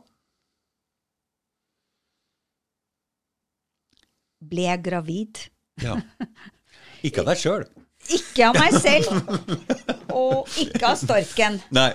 Men i hvert fall det som var, var at eh, jeg ble gravid. Jeg var ganske langt nede og var faktisk ikke helt meg selv. Nei. Men jeg ble da gravid. Og det som skjedde, for å gjøre en lang historie kort, er at faren til min eldste sønn Det er det første barnet du fikk? Det er ja. første barnet jeg fikk. Han fortalte meg noe tidlig i graviditeten Mm. som gjorde at jeg ikke kunne stole på han mer. Ok. For det innebar en annen familiemedlem, Mm. og det innebar nære relasjoner som jeg fikk vite, vite om først etter at jeg var gravid. Så for meg var det et ekstremt stort tillitsbrudd. Han var gift, tenker du på? Eller? Nei, han var ikke gift. Nei, nei. Han hadde hatt relasjon til familiemedlem uten å fortelle meg det. Før, Et familiemedlem av deg, ja. ja, før etter at uh, jeg var eh, blitt Ja. gravid. Så jeg følte at det var en ekstremt uh, tillitsbrudd. Og det endte opp med at jeg ikke stolte på han. Jeg følte ikke at jeg kunne stole på han når han hadde løyet om og holdt hemmelig en så dyp hemmelighet. Så allerede under graviditeten så mistet jeg tillit. Og underveis så skjønte jeg jo mer og mer at dette her hadde jo bare skjedd forhastet. Og det var ikke godt gjennomtenkt. Nei. Men jeg var ikke villig til å Ta det bort, nei. ta bort barnet. Nei, nei. Så jeg eh, prøvde å få ting til å fungere. Men vi innså mer og mer at vi var veldig forskjellige. Jeg innså i hvert fall det. Så fødte jeg sønnen min. Og to-tre uker etterpå så visste jeg at vi, vi kunne ikke være sammen. Fordi at det var eh, veldig Vi var veldig forskjellige. Og jeg på det tidspunktet hadde ikke noe sted å være i livet mitt. nei. Så jeg kontaktet Aline spedbarnssenter. Ja, hva er det for noe? Det er et sånt uh, spedbarnssenter hvor du kan dra slags krisesenter. Riktig. Mm. Men hvor du kan dra med spedbarnet ditt og få tid på deg. Ja. Mm. For nå hadde du ikke noe sted å bo. Du hadde ingenting her i Norge nå. Mamma kom. Mamma kom, ja. Mamma kom tre dager etter at jeg fø- fødte sønnen min. og så flyttet sammen med meg inn til svigerforeldrene, da. Foreldrene til den gutten. Eh, oh, ja. Faren til. Oh, ja. Jeg bodde hos svigerforeldrene. Ja. Men så ringte jeg da krisesenteret, eller Mm. Aline spedbarnssenter, og skjønte jo at det forholdet her kommer jo ikke til å vare. Flyttet inn på Aline Men du, nå er det staten. Mm. Er det staten? Det er staten. Og det er, det er Adamstua, midt i Oslo vest, liksom. Mm, Mm, Så flyttet jeg inn dit. Mm. Og dette her er i 2003. Mm. To dager etterpå så dukker eldstesønns far og sviger, eks-svigermor nå Ja. opp med bekymringsmelding til barnevernet. Mm. Skjønner du? Ja. Mm. Og, og der begynner det. Og det de første de gjorde, var å Og da var sønnen min bare noen uker. Mm. Det var at de begynte å filme meg. De foreldre de, de, Nei, på Aline spedbarnssenter. Ja, ja, Jeg var okay, okay. under en tre måneders undersøkelse. Ja. Mm. Og nå dukker jo de gamle historiene dine sikkert opp i, i papirmølla deres, ikke sant? Ja, den der prøvde de å bruke mot meg. Eh, De trodde at det skulle være et svakt punkt for meg. Mm. Men jeg kan jo hele Husk at jeg bodde på krisesenteret sammen med moren min. Ja. Så jeg hadde henne der med meg i tre måneder. Er Med. Mm. min mor. Så jeg bodde Det var viktig at mora di kom da, ikke sant? Oh my God. Mm. I love that lady so much. Hun har reddet meg så mange ganger. Mm, Men i hvert fall det som var, det er at Og det var, det var derfor de ikke tok sønnen min. Mm, mm, mm. Og de begynte å filme meg. Og, men det som også skjedde samtidig, det er at uh, jeg hadde da gjort meg ferdig første år på Bjørknes. Mm. Og to uker før jeg fødte Leo Bjørknes, hva er det? Eh, Det er eh, videregående. Ja. Mm. Fordi jeg sa jo til deg, jeg hadde jo bare drevet med ballett Ja, og ja, ja, sånn, så tenkte jeg at nå må jeg ta, Ta videregående. ta videregående. Nå må jeg bite i det men du hadde litt fra folkehøyskolen, ikke sant, også? Jeg hadde fra folkehøyskolen, og jeg snakket flytende engelsk og kjørte ja. bil og hadde lært meg alt Ja. s- selvlært på veldig mye, da. Eh, Men jeg gikk ut, og, og så fikk jeg alle karakterene, og jeg fikk syv seksere med han. Så jeg bare Oi, hva gjør jeg med de nå? Syv seksere. For meg ble det nesten som et ansvar. Fordi at nå må jeg gjøre noe med det. Fordi det er så bra, ja? Det er så bra. Jeg kan ikke bare Nei, nei, nei, det, Hva gjør jeg med de? Klart det. Så jeg eh, bestemte meg for å utdanne meg. Mm. Og ta ferdig videregående. Så når jeg var på Aline spedbarnssenter, så sa jeg mamma, nå passer du på han, og så stikker jeg og tar forelesninger. Og de, de likte jo ikke det, vet du. Nei. Og de mente at jeg var veldig ambisiøs, som kunne våge eller tenke meg at jeg skulle ha artium når sønnen min var så liten. Og, men eh, jeg uh, kasta meg i det. Og tok ferdig. Flyttet derifra etter noen måneder med moren min. Da hadde jeg vært, og sett, vært på 50-100 forskjellige visninger. Fikk ikke noe hjelp til det. Nei. Ikke noe hjelp til visning, ikke noe hjelp til noe sted å bo. Ikke noe hjelp til noe som helst. Nei. Bare filming og sjekke om tilknytning er intakt. Sånn, ja. Skjønner du? Mm. Så alt dette her måtte jeg jo gjøre selv. Og så til slutt så reiste jo mamma, når ting hadde jo stabilisert seg, reiste moren min tilbake til Pakistan. Flyttet dit. Jeg gjorde ferdig artium. Gikk ut fra Bjørknes med 17 seksere. Jo. Ja. Og bestemte meg for å ta ernæring. Bli klinisk ernæringsfysiolog. Og hele tida, du må huske på, mens jeg studerer og alt, så har jeg hele tiden undervist Undervist i yoga. yoga ja. Mm, Det for- begynte jeg med med en gang jeg kom til Norge. Ja, for der fikk du litt ekstrainntekt òg? ikke sant? Alltid, alltid alltid, jobbet ja. ved siden av. Så jeg drev jo Jeg har jo Ja, så jeg drev jo og sjonglerte dette her med barn og sånn. Det er bra arbeidskapasitet på deg. Ja, ja, ja. ja. og det er også det der med kundalini. Mm, okay. Du, du får veldig mye arbeidskapasitet. Og, Ja. og, og det var viktig for meg å finne forskjellige kanaler for å få det her kanalisert på en uh, forsvarlig måte. Og det var derfor jeg bestemte meg for å ta en uh, universitetsgrad. Og bestemte meg for å drive et yogastudio. Jeg har jo drevet her sammen med Henrik. Vi har jo jobbet sammen i 16 år. Jeg husker jeg var med deg første gang 2004 eller noe sånt.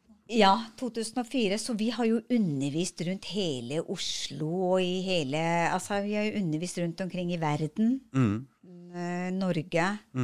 Og Yoga er ganske svært, eller? Det var ikke det når jeg begynte med det, når jeg Nei. først kom, men nå har det jo blitt råsvært. Men, men når jeg tok ferdig Det som begynte, det som er så veldig rart her, det er at når jeg da tok ernæring Allerede begynte det der Å se at noe var gærent. at noe var gærent med meg. Med, med deg? Med meg. Med meg. De, hvem syns det? Hva, hva De jeg studerte med. Ja, fordi du ser ting på en annen måte, ikke sant? På en helt annen måte. Du må huske på at jeg var eldre. Jeg var mor. Jeg var yogalærer. Ja. Og her har du kremen av kremen. Er det det på ernæring? Eh, På ernæring, det som er så morsomt Ernæring, tannlege Jeg tror det ikke er sånn nå lenger, kanskje. Det var i hvert fall det. Og leger er, går sammen to år. Å ja.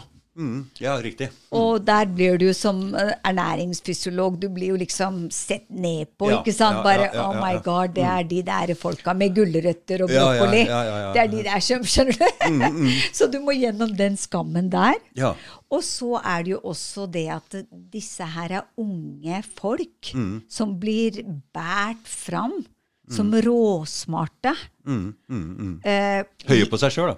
Veldig. altså Og så er det jo sånn at eh, disse, disse utdannelsene de har jo fått veldig mye status, ikke sant? Ja, ja, ja. Leger, ernæringsfysiolog.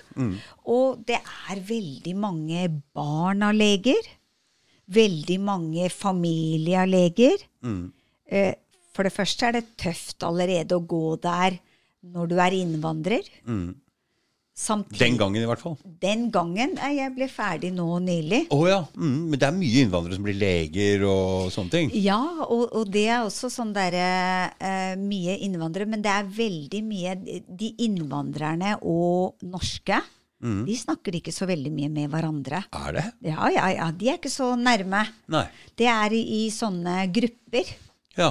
Og etter turnustjenesten Det er Jeg tror jeg aldri i mitt liv har gått noen steder hvor det er så spisse albuer som det er på For medisinstudiet. Ja, for nå, prater du litt framover, for du, ble- du utdanna deg til lege også. Da. Ja, som jeg sa til deg, det her er, liksom, du har to år sammen. Ja.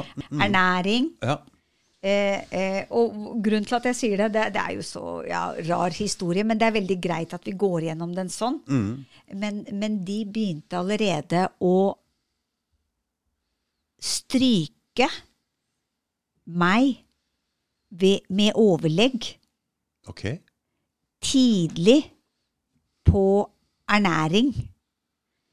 Eh, og det som var så rart, det var at eh, denne professoren her, en eldre kvinne, hun jobber ikke der nå lenger, hun vektet Og jeg kommer tilbake til det, du forstår. Hun vektet i etterkant og visste identiteten til de forskjellige eksaminandene. Så allerede for eh, Dette her er 2009 ja, Da, for ti, ti år siden, så følte jeg at man ble stryket ved overlegg ved at anonymiteten til kandidaten ikke er ivaretatt. Okay. Og det er bl.a. med at de ser deg, og den som retter, kan ser hvem som leverer hva. Og som legestudent så har du eh, ditt eh, nummer, kandidatnummer, på frakken. Det er obligatorisk. Ok. Så de kan bare se hvem du er. Eh, men i hvert fall så uh, syns jeg det var veldig rart at hun hadde vektet i etterkant. Hva betyr det? At du gir karakter i etterkant? Ja, gi karakter i etterkant til oppgavene. At de spiller en rolle. Hvor mye prosentandel de skal bety for at kandidaten skal bestå, blir tildelt i etterkant. Ok. Men i hvert fall det som skjedde, det høres veldig rart ut. Men jeg kommer tilbake til det, fordi det skjedde meg igjen. Og det var derfor jeg var så føre var med også disse professorene på medisinstudiet i, ved Rikshospitalet. Okay. Men, men eh, så tok jeg opp dette her, for hun hadde strøket meg med overlegg, og jeg skjønte ikke det. Eh, og så gikk det seg til. Men allerede så begynte jeg å skjønne at eh, er dette her eh, riktig, eller? Men hvorfor, hvorfor skulle de gjøre det? Hvorfor ville de stryke deg, eller? Eh, jeg visste ikke det da. Nei, nei. Men det er i etterkant at jeg skjønte at det går an å gjøre det, og det var det, sikkert det de prøvde da òg. Ok. og at det er et Det gjør de systematisk. De siler ut folk som er problematiske. Som de har flagget ut. Som er litt sånn vanskelig. Husk at det er veldig mange som studerer der. De er robotifiserte. De bare følger ordre. Hvis du tenker utenom boksen De vil ikke ha deg der som lege. Nei. Nei og heller ikke som ernæringsfysiolog. Nei. Hvis Kan jeg bare skyte en ting? Ja. De vil ikke ha eh, noen som er både lege og ernæringsfysiolog eh, ut i arbeidslivet med den kunnskapen. fordi da er det ikke så veldig lett å forme den personen. Riktig. I, i, i, altså du, Fordi to, ja, mm. de ønsker å eh, kjøre på eh, nasjonale retningslinjer, og at legene i turnustjenesten skal på en måte utføre de. Du lærer rutiner. Du, de vil ikke at når du da sitter med kunnskap om ernæring, Ja. så er det kunnskap som strider ofte imot de nasjonale retningslinjene ikke med, sant, med Ja. medisinering. Og der er det en krasj. ja, der er det en krasj. Det er helt klart, da. Mm, det er sant. Mm. veldig faglig krasj eh, også innad. eh, Med disse forskjellige fagpersoner som ikke klarer å samarbeide, og vil være den viktigste okay. parten, og vil ha kontroll på det og det og det. Husk at uh, veldig mye av nå kommer vi jo inn på et inter noe interessant her, syns jeg. ja, ja veldig. Eh, Men det, det, det, det der med ernæring, tenker du, og hvordan det fungerer innad der Nei, det som han eh, Henrik sier nå, at de ikke vil ha den, viten blant legene, at det vil krasje med det de Altså- lærer som legere. Altså, jeg, jeg skal ikke bruke noe masse tid på dette, men altså, min erfaring den er at eh, jeg ble diagnostisert eh, som bipolar etter at jeg tok en test på Ullevål sykehus for mange år siden. Jeg var bare et par og tjue. Og så eh, fikk jeg jo den diagnosen, og med den diagnosen så følger det et slags i anførselstegn pillebrett. Kanskje fire-fem pillebrett, da. Altså eh, behandling, måter å behandle bipolare på, på, Ja. på en måte, da. Og så eh, Den samme tiden så drev jo Naima og skrev på masteravhandlingen sin på universitetet på, på, på ernæring. ernæring. Og i kildematerialet der så sier de det at de som har bipolar, de dør 20 år før den vanlige mannen i gata. En gjennomsnittlig levealder. 20 år tidligere. Ja. Og det gjør de pga. livsstilssykdommer og medisinering. Medisinering, ja. Mm. Så når det går ned det sporet der, og det kom jeg da til å erfare Jeg uh, fikk en uh, fin bilring rundt magen. Jeg Mm. Ja, ja, begynte ja. å miste håret. Ja. Jeg, jeg la på meg, og jeg ble deprimert og avflatet i uh, stemningsleie, følelseslivet. Og, og det, det gjorde jeg i mange, mange år. Og jeg prøvde mange medisiner, i hvert fall sju-åtte stykker. Testet liksom alt sammen. Og det er jo litt moro òg. Altså, noen av dem er jo, får deg jo opp, og andre tar deg ned. Men over tid så blir hjernen litt eh, på en måte Altså, jeg tror du kan få hjerneskade av det eh, over tid. Eh, men eh, for min del, følelseslivet blir avflattet. Og så kom du til et sånt eh, sånn, eh, et punkt hvor Naima husker jeg, da drev vi yogasenter sammen, sa at du, hør her, hvis du skal fortsette med dette her på den måten her, så kan ikke vi jobbe sammen lenger, fordi du klarer ikke lenger å ta av deg arbeidsoppgaver, og du klarer ikke å omgås folk sosialt heller, for du får sånn der skam og angst òg gjennom din Ja, ja, ja, medisinene, og så ja, ja, ja. er ikke du til stede i følelseslivet. Du blir helt sånn på en måte rar av det. Og så eh, hadde hun et forslag da om å eh, seponere disse medisinene. Få meg Hva Får du bort? Ja, Nei, gå ned, tra- trappe ned, trappe ned. Trappe ned. Trappe ned og eh, begynne å spise ordentlig istedenfor. Og satte meg på yogaprogram, treningsprogram. Ja. Ganske strengt di disiplinært. Akkurat sånn som de gjør i India og Pakistan. Mm. Uh, og det gjorde jeg jo. Og uh, nå Dette her var når, Det var i 2012. Ja. Det var i 2012. Og da brukte jeg medisiner i eh, fem-seks år, ass. Mm. Og blei dårligere og dårligere og dårligere. Og dårligere. Og nå har jeg ikke brukt noen ting siden eh, 2012. Og jeg er frisk som en fisk. Jeg, har- fisk, jeg har ikke noe bipolar lenger. Hvor det blei av den? Oi, det var, det var veldig rart at den og ble det borte. skal ikke skje. Det skal Nei. ikke skje. Så det, hele den derre medisin... Eh, medisinernarrativet som legene lærer i utdannelsen sin. Mm. Det er et semester hvor de bare har legemiddelhåndboka. Mm. Hvilken medisin og pille skal du gi til hvilken sykdom? Det Mm, går det semesteret ut på. Og det er klart at det, det er jo et ekstremt tunnelsyn, da. Ja, ja. Når du er ernæringsfysiolog i, i tillegg og har hele pakka åpent Mm. De vil jo ikke ha det. Hvordan skal en sånn person med vettet i behold kunne akseptere at det Ja, var den ja, legemiddelhåndboka som fungerer? Det er riktig. Det er viktig poeng, eh, Henrik. Eh, Mange av disse eh, altså med stemningsleielidelser blir jo satt på eh, psyki psykiatriske eller eh, psykotika. psykotika, antipsykotika, og disse medisinene eh, på akutt psykiatriske avdelinger. Det er jo der de blir. Og jeg, min masteroppgave, som jeg eh, ferdigstilte i 2016, den forsket jo i 16 forskjellige polikliniske avdelinger i Oslo. Psykiatriske avdelinger. Hvorvidt ernæring var en del av behandlingen eller ikke. Ja. Og det viste jo seg at det ikke er en del av behandlingen. Og jeg fant jo veldig, eh, altså veldig sterke resultater På ernæring, ja. ja, på det at det blir veldig lite anvendt.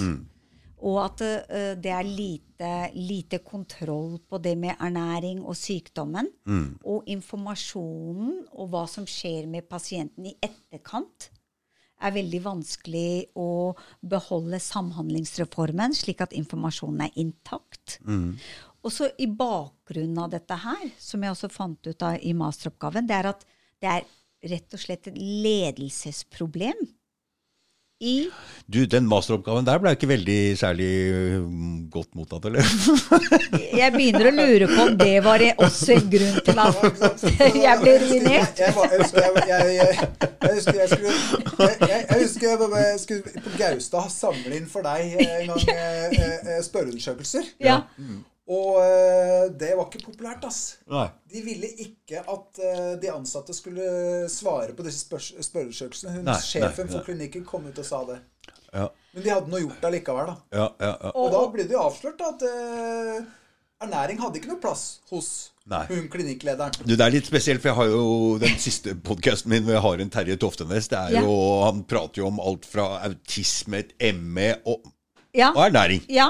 ja. Kreft. altså Han Ja. spiste seg jo fri fra Ja. kreft med Oh, wow. ernæring. Ja. ja. Så øh, da er det viktig for alle, alle, alle områder. Ja, det, det som er at det, den amerikanske jeg skal veldig kort Psychology Association Ja, prat nærmere. Er det bedre der nå? Ja, ja. ja. Det er, Altså den American Psychology Association, det er de som eh, lager diagnosesystemet som vi benytter her i Norge, Mm. som helsevesenet i Norge benytter. De følger bare den malen der.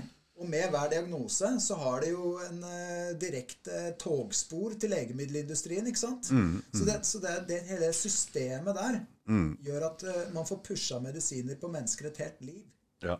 Ikke sant? Så det er jo bare en svær bløff. og husk at eh, når du eh, blir satt på disse medisinene, Mm. eh, så har du en eh, økt sjanse for å legge på deg veldig ja det, fort. Ja, jo, det ser jeg jo med andre folk som får sånne antidepressiva òg. Ja. Boff, sier det. Så bare det, det legger på seg, og, og det er en veldig sterk belastning for hjertet. Klart det er. Og det er en av de tingene som han nevner, at du får eh, altså minsket livet ditt med 20 år. Eh, og det er, uh, men det som er interessant, det er at uh, ernæring, som jeg også har sagt i eh, mine andre podcaster, det er at det er veldig lite eh, synlig i medisinstudiene. Ja, det ser vi jo nå under koronagreiene her. Ikke sant? Vi sier at ikke, Ja. det er ikke noe Hvorfor prater vi ikke om det? Liksom immunforsvar og vitaminer og ernæring og sånne ting. Det er ikke noe fokus på det i det hele tatt. Og det, det, er så, det, det er bare ett semester om ernæring. Mm. De legene kan ingenting. Altså, vi Vi legene. ja, vi. Men i hvert fall det som er greia, er at når jeg tok disse to gradene, Mm. så ble det feil. Altså. Det ble feil for Gikk du ni år til sammen, da? eller? Jeg gikk til sammen, eh, for å være ærlig, tolv år. Tolv år, ja. Ja. Mm. Fem år ernæring. eh, Og husk at jeg ble forsinket fordi at eh, først, eh, så som jeg sa til deg, når jeg begynte på ernæring, Ja. så begynte de Å prøve å få deg bort og strøyke deg litt. Prøv, strøyk meg litt, ikke sant? Skamme Ja. meg, din strykepave. Ja. Din strykepave! Ja. Og, og det, det som er, ikke sant, på grunn av det livet jeg har Jeg tror jeg aldri har hørt det ordet. Strykepave. Strykepave, ikke sant? Eh, Og greier Ja. etter, etter det jeg hadde vært gjennom i livet mitt, Mm. med, med den skammingen, så Mm. Ja. eide jeg jo ikke skam til slutt, ikke sant? Nei. Så det at jeg eh, tok disse gradene Ja. eh, og studerte Men først så prøvde de å stryke meg. Det funka ikke, ikke sant? For jeg Mm. Nei. bare Hæ, hva er det som skjer her? Hva er det jeg strøk i? Jeg er sånn, sånn som alltid spør. Mm. Ja. Og så neste de gjorde, var at når jeg fødte min datter Mm. i 2011, så satte de fristen for innlevering av den skriftlige opp, eh, oppgaven, av masteroppgaven. Mm. Og nå må du huske på at nå har jeg gjort et helt års labarbeid. Ja, okay. Og vært inne med celler og masse forskjellige eh, Brukt masse forskjellige teknikker som du må ha i forskning. Okay. Elektrofirese og protein. Altså du må kunne mate cellene og veldig intens jobb. Mm. Er det ernæring, eller er det et legestudie? Ernæring, masteroppgaven. Ja. Mm. Fordi det var biokjemisk oppgave. Ja. Det var en protein som blir økt ved økt sukker. Ok. mm. diabetes, da. Hvis du har diabetes, så har du økt øh, fare for å øh, danne denne proteinen, som da kan gi senskadevirkninger. Ja. Mm. Med økt sukkernivå i blodet. Men i hvert fall, jeg hadde gjort alt det og lært om alt det. Du må lære alle disse veiene. Eh, ikke sant? Alle disse forskjellige sukkerveiene og alt det der. Og etter at jeg hadde gjort hele greia, så setter de fristen da altså 30 dager etter at jeg har født datteren min. Da skulle jeg vært i barsel. Mm. Men pga. all den skammingen og sånn, så tør jo ikke jeg å si fra. ikke sant? Jeg vet jo ikke at jeg har rettigheter til det. Nei. Eller at jeg ikke kommer til å rekke det. Ja. Så de setter datoen 30 dager etter at jeg har født henne. Mm. Og fordi at jeg ikke klarer å levere uh, det skriftlige delen inn, så kaster de meg ut av universitetet. Ja. Så du fikk aldri den uh... De kastet meg ut. Mm. Jeg hyrer da advokat fra Elden advokat. Ja. Uh, og Christian, som jeg var sammen på den tiden, Christian Siem, mm. uh, uh, han uh, sier du, den her må du skaffe deg. Din eh, eh, grad. Så du, du er jo ferdig. Du har jo nesten ferdigstilt den. Dette er jo helt håpløst. Ja. Så han hjalp meg økonomisk. Og det ble faktisk over 100 000. ja. I 100 advokat... eh, salær. Eh, eh, og etter mye skriving frem og tilbake og e-mail, og jeg var jo med på veldig mye av prosessen å frem, eh, frembringe mye av bevisbyrden den gangen òg. Lang historie kort, så ble jeg tatt opp igjen. Universitetet i Oslo ga meg to muligheter. Jeg kunne bruke seks måneder på å ferdigstille masteroppgaven med henne veilederen. ja. Eller jeg kan ut ifra min egen interesse og min egen tankekraft velge en problemstilling og en masteroppgave jeg ønsker å gjøre selv. Det var veldig kult, da. Det ga universitetet meg. Ja. Eh, for eh, ja, 2012, når de kastet meg ut. ja. Eh, og så, Du må huske på veilederen min mens jeg var med henne. Hun var sånn seniorrådgiver, forsker. Det var hele karrieren hennes. Nedbrytning daglig fra henne. Okay. Og det er veldig vanlig at uh, veiledere altså bryter ned elever. Eh, daglig, sånn at de bare er helt ødelagte innen de skal levere oppgaven sin. Fordi de har så mye makt, vet du. Veilederne. Ok. Mm. Hun var i hvert fall ekstremt nedbrytende. Mm. og jeg var ikke bra nok. Og hver dag altså Det var ofte jeg satt der nede og grein. For hun drev bare og brøyt meg ned. Så jeg visste at uh, hun som Og hun var med å sette datoen en måned etter. Så jeg Ja. visste at det er ikke noe vits å gå tilbake til henne. Nei, klart det. Skjønner du? Jeg skjønte jo at en person som henne ville jeg jo ikke jobbe noe mer med. Hun ville jo ikke ha meg der. Nei. Hun var, hadde jo vært med på å fått meg kastet ut Ja, på en måte, ja. Mm. med studioveileder. Så jeg valgte min egen. Så sa jeg jeg vil eh, lage min egen oppgave. Og jeg vil kombinere ernæring og psykiatri. Jeg vil gjøre forskning på 14 forskjellige poster i Oslo. Og se hvorvidt ved bipolar lidelse, ved schizofreni, depresjon og underernæring om det blir anvendt ernæring som en behandlingsregime. Og om ernæringsfysiolog er med i en tverrfaglig møte. Og om det er en del av behandlingsregimen, da. Og det fikk jeg ja på. Ja. Lagde min egen øh, studie. Skrev mitt eget Altså jeg fikk veldig mye hjelp av min veileder, da. Som jeg hadde tatt praksis hos på Lovisenberg. Jeg husker du jeg sa jeg hadde jobbet der som yogalærer. Det, jeg har jobbet veldig tett med Hun var ernæringspedagogisk sjef der, da. På Lovisenberg. Okay. Hun var veldig herlig. Interessert i det der, ja. Ja, og veldig herlig veileder, fordi hun var eh, alltid veldig positiv til meg da, og ga meg frie tøyler med pasienter. Og jeg fikk lov å lage all indisk mat med disse pakistanske damene. Hva var det hun, Du sa hun var en ernærings... Eh, eh, Hun var uh, enhetsleder ved ernæringsvitenskap på Lovisenberg sykehus. Eh, Så hun var den som styrte og var veldig sånn ildsjel. Tonje Melin Olsen heter hun. Og hun var min veileder. Og jeg underviste jo på et tid eh, 20 pakistanske kvinner. Vi lagde, og pakistanske, indiske. Vi lagde all pakistansk mat med sunne råvarer. Brun ris, vi lagde chutney fra bunn, vi lagde alle rettene. Det var så fantastisk. Og så hadde du yoga samtidig? Og så hadde vi yoga en gang i uken, og så hadde vi, skulle de lære Hva de var det de var lagt inn på Lovisenberg for, disse det var eh, det, Livsstilssykdommer? Fellesnevneren var uh, overvekt. Overvekt. ja. Sykelig overvekt. Sykelig overvekt, Ja. Mm, mm. Mange av de var veldig overvektige og syke. Uh, Så det var forskjellige ting. Diabetes, hjernetumor, ja. altså de, kreft. ja. Men i hvert fall, vi hadde veldig utrolig glede av det. Eh, og, og, og når jeg da uh, skrev min masteroppgave igjen, så ville jeg ha henne som veileder. For jeg hadde så god erfaring med henne. Og hun var veilederen min. Og vi lagde en fantastisk uh, Altså, hun hjalp meg veldig mye.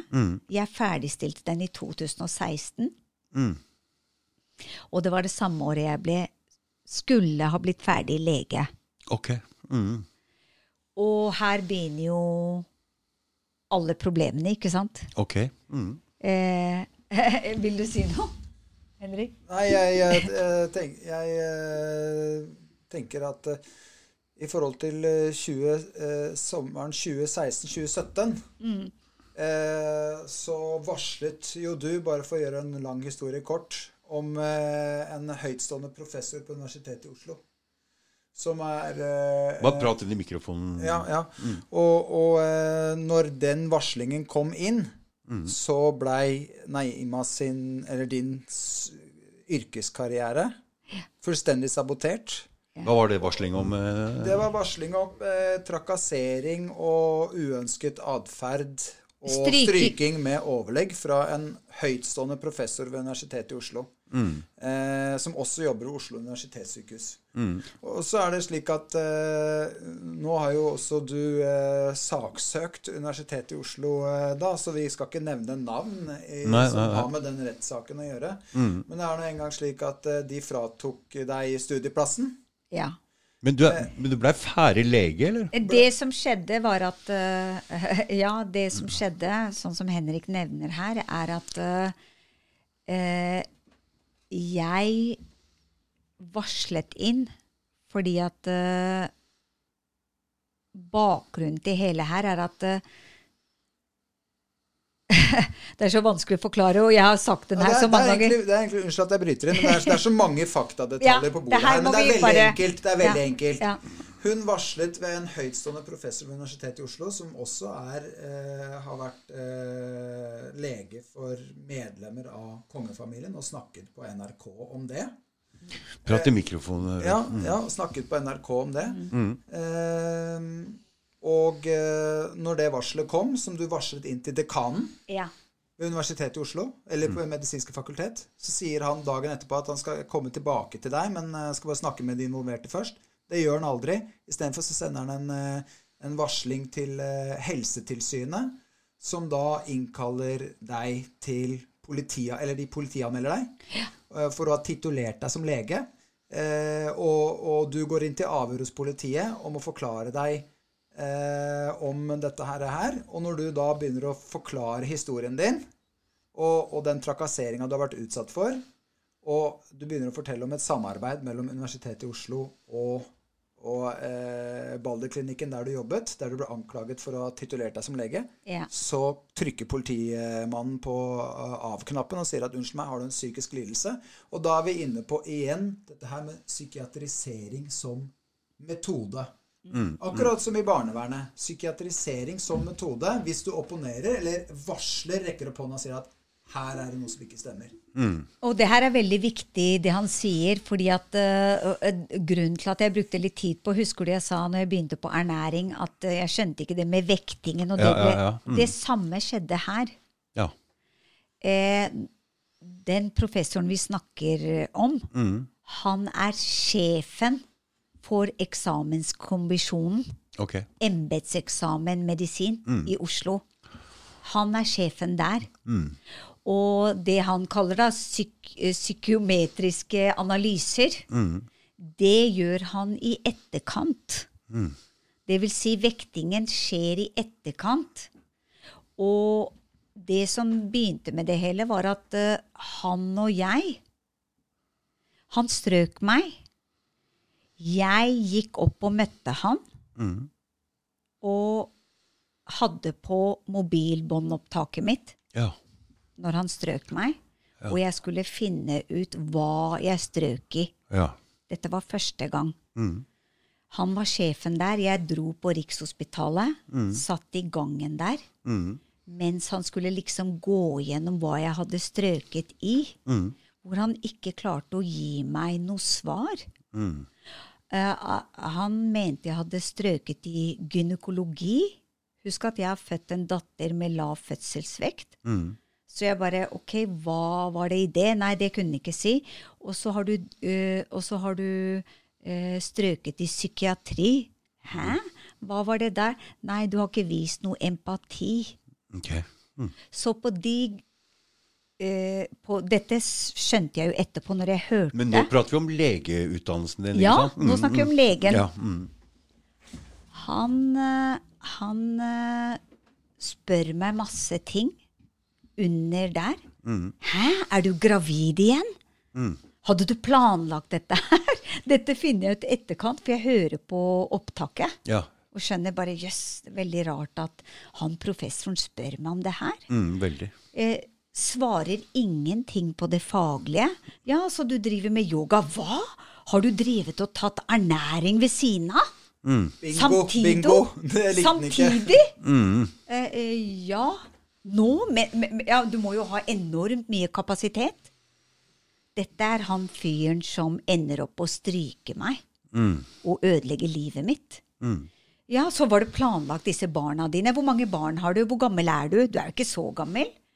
Eh, har du strøket mange ganger? Hvor mange ganger har du strøket, da? Eh, ja, hvor gamle er barna dine? Helt utenom det faglige. Jeg ville vite om gynekologi. Ja, ja, ja, ja. Hva, hva, hva var det akkurat i psykiatrien? Hva? Jeg viste ikke noe empati. Jøss! Yes. Jeg Ja. Ja, og så Poenget er jo også det at eh, dette varslet du dekanen ved Det medisinske fakultet om. Nei, men også en annen Ja, ting. ja, men vent uansett vent vent. eh, Han sier jo det, han dekanen, at uh, han skal komme tilbake til deg, men det gjør han ikke. Han varsler heller Helsetilsynet, som ender opp med å frata deg begge gradene dine. Mm. Og Det er jo dette som er poenget, og det er det som er grunnen til at uh, du nå har tatt uh, universitetet til retten. Ja. For å urettmessig frata deg tolv års utdannelse ved Universitetet i Oslo. Og, og, og det er det som er så grovt, og det er det som er veldig viktig at kommer på bordet her, er at eh, så, hvis noen varsler, hvis noen opponerer mot systemet, Ja. eller, eller mektige personer som sitter i mektige posisjoner i systemet, og varsler og sier fra om den, da får det represalier. Da ødelegges yrkeskarrieren. Og i Naima sitt tilfelle så har du også fått 15 bekymringsmeldinger fra høsten 2017, da dette her skjedde eh, da, eh, inn til barnevernet, i tillegg til to stykker på, til Helsetilsynet. Så det, de bruker etatene som et trakasseringsverktøy som har satt i gang gjentatte undersøkelser av familien. I den prosessen så har barnevernet gått på en smell og gjort så grove lovbrudd og saksbehandlingsfeil at det, er, det, det, det lukter og stinker lang vei. Og det er årsaken til at vi har anmeldt barnevernet Ikke anmeldt barnevernet, jo det har vi også gjort. Anmeldt dem til politiet, men det ble bare henlagt. Ja. Selv, om, eh, selv om bevisene lå der, så har vi i hvert fall stevnet barnevernslederen da, i det lokale barnevernet, som ikke vi skal si hvilket det er, men det er nå i hvert fall vest for Akerselva. si det sånn. ja, det, det, det er så grovt, det de gjør. Og det som er metodikken der, det er at eh, igjen så er det litt av det samme som på ernæring og på medisinstudien. Det er skjult. De, I det øyeblikket, og det her er veldig greit at alle i Norge vet som har barn I det eh, øyeblikket barnevernet begynner å igangsette undersøkelse av familien, så har de møter med skole, helsesøster, alle disse offentlige etatene som har med barna i familien å gjøre. Og ifra de møtene så lages det referater. Men tror du de referatene gjenspeiler virkeligheten? I vår sak, og spesielt Naima sin sak Jeg har blitt dratt inn i det her gjennom at jeg kjenner henne så godt, og kjenner barna, og, og, og på en måte er en forsørger også for dem. Men de forfalskes. Ja. Og det vet jeg at at med lydopptak, og tatt lydopptak, og du legger lydopptaket der, mm. referatet der, og påpeker at dette her er en helt annen virkelighet, og at dette er farget i det narrativet barnevernet vil lage, fordi at vi legger det fram for retten en dag. Ja. Det er metodikken. Og sånn tas barn i Norge. I 2010, jeg er ikke helt sikker på tallet, må kanskje slå dem opp, så var det eh, 3 milliarder i eh, budsjett i barnevernet. Ja. Mens nå er det 40. ja. Jeg hørte det. Jeg hørte jeg satt og prata med naboen her, og prata om barnevernet på Søndre Nordstrand. Og du lurte på liksom hvor mange er som jobber der. Jeg tenkte kanskje det var 20 stykker. 160. 160 Ja, stykker du? bare. Så, så disse folka her må få lønna si fra et sted, ikke sant? Ja. Og, og bare til alle dere som jobber for de forskjellige og offentlige etater der oppe. Når det gjelder mine fire barn, så har de blitt lagd sjæl. I egen livmor. Født sjæl. Eh, poppa ut sjæl. Mm. Jeg har gjort det hjemme, eller? Eh, nei, nei, på sykehuset, men måtte jo trykke selv. Uten, uten smertestillende. Amma sjæl. Mm. Oppdratt sjæl. Og skal beholde dem sjæl. Så hvis dere har lyst på barn, så må dere nesten skaffe dere dem sjæl. Ja. Ikke ta mine, for de får dere ikke. Nei, det er, Det er bra. og det er, helt, det, er helt, det er helt vanvittig hva de gjør i prosessen for å komme til dit. Mm. Med forfalskning, dokumentforfalskning av referater, ryktespredning, ljuging til barna i avhør. Jeg velger å kalle det uh, avhør. Det er helt vanvittig. Altså, sønn, sønnen min er 18 år nå i juli. De Ja. har prøvd å rappe han fra meg siden han var to uker på Aline spedbarnssenter. Aldri slutta. Prøvd å ødelegge livet hans, stigmatisere han, skamme han, sånn som de gjorde med meg. Ja. Og prøvd å ta fra han, kidnappe han fra meg i 18 år. Har du hørt noe sånt? I 18 år, ja. I Mm. 18 år prøvd å kidnappe Så du har, du har hatt problemer med dem hele tida? De har hengt på meg som uh, altså møkk Uh, Flue henger på møkk, altså. Slipper ikke taket. Nei. Og det som er så veldig interessant, er at veldig mange av disse jentene har ikke barn sjæl. Nei. Har ikke familie sjæl. Er ikke gift. Kan jeg si en ting? Du var jo inne på ja, men du var inne på det litt i stad eh, i forhold til den programmeringen eh, Ja. barn i barnevernet går igjennom, da, som du har erfart selv og fortalt om her. Mm. Og ofte så er det jo ofte at disse folka som jobber i barnevernet, har jo selv også barnevernsbarn. Som har gått gjennom nettopp den programmeringen. Har de måte. vært de som jobber i barnevernet? Er, Veldig mange. Mange. Mange barnevernsbarn. Eller oh, ja. ah, faktisk, det er ikke sikkert de er barnevernsbarn, men mange er uh, misbrukte barn som jobber i barnevernet.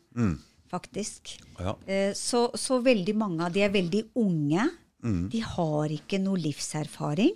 Og mest, mest av alt, det som er viktig her, eh, Dag Thomas, de har ikke noe særlig erfaring med å verken skifte bæsjebleier eller amme eller brystsmerter, eller hva det handler om å ha vondt nedentil etter Fordi- sting.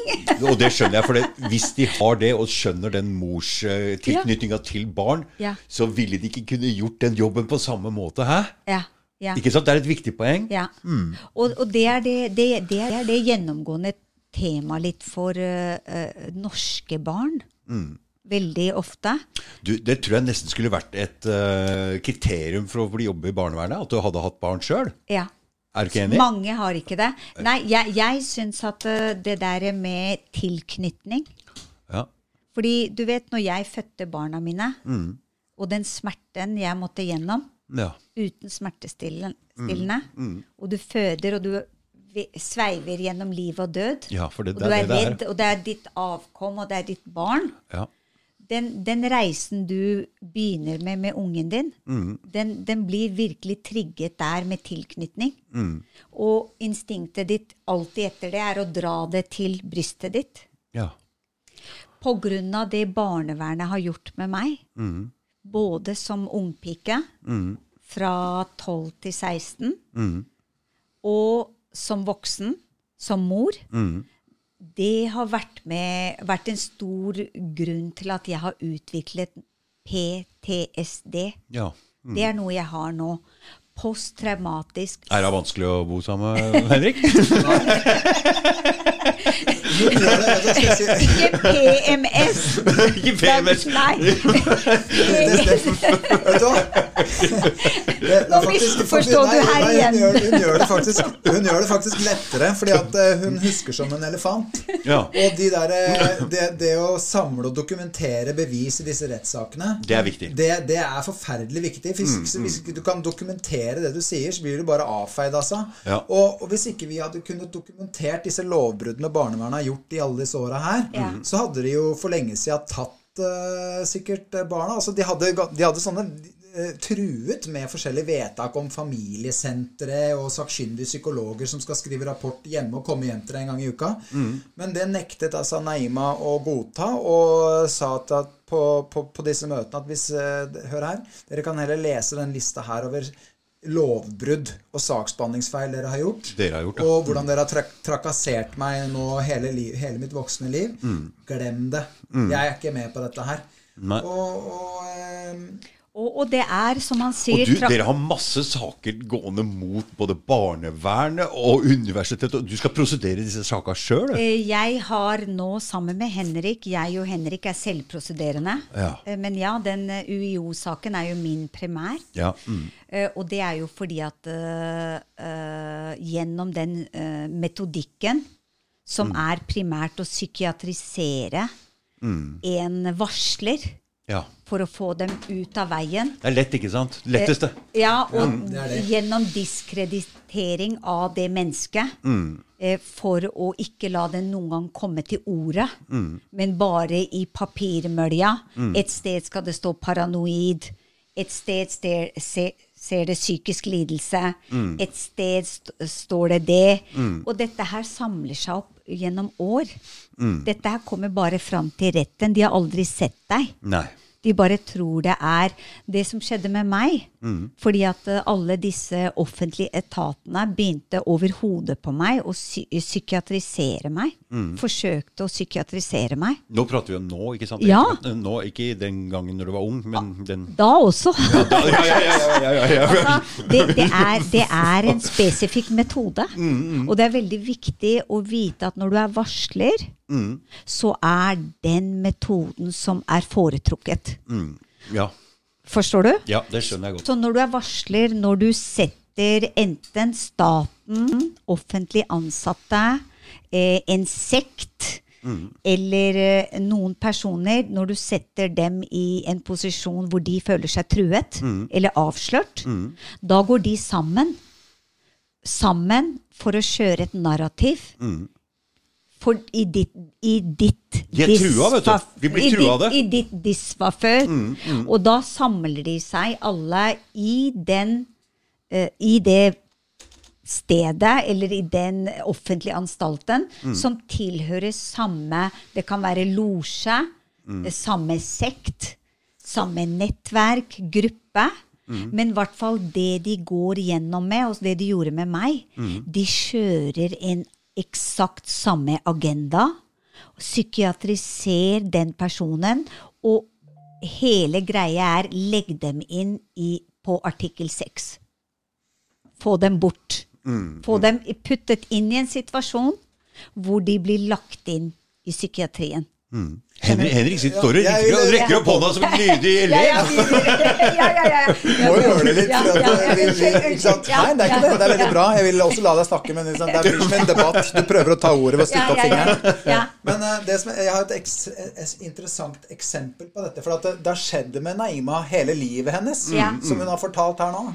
Mm. Men, eh, og jeg, eh, jeg ante på en måte fred og ingen fare. Jeg har sittet og sett på det fra utenifra. Men jeg har tenkt at eh, altså, du forstår det ikke før det rammer deg sjøl. Og jeg eh, ante fred og ingen fare. Eh, jeg var som kua på, på jordet og gresset. Og så plutselig kom bonden med et svært svijern og stakk i skinka. Og, det, og så skjønte jeg også at oi, her lukter det brent kjøtt, og dette svir. Ja. Og det var fordi eh, jeg sa fra om at lederen i sameiet vårt var frimurer, og av den grunn så ville jeg ha han skiftet ut. Dette var etterkant av at Naima hadde snakket om samarbeid mellom universitetet og Balderklinikken, og at de var frimurere og jobber sammen i et sånt brorskap.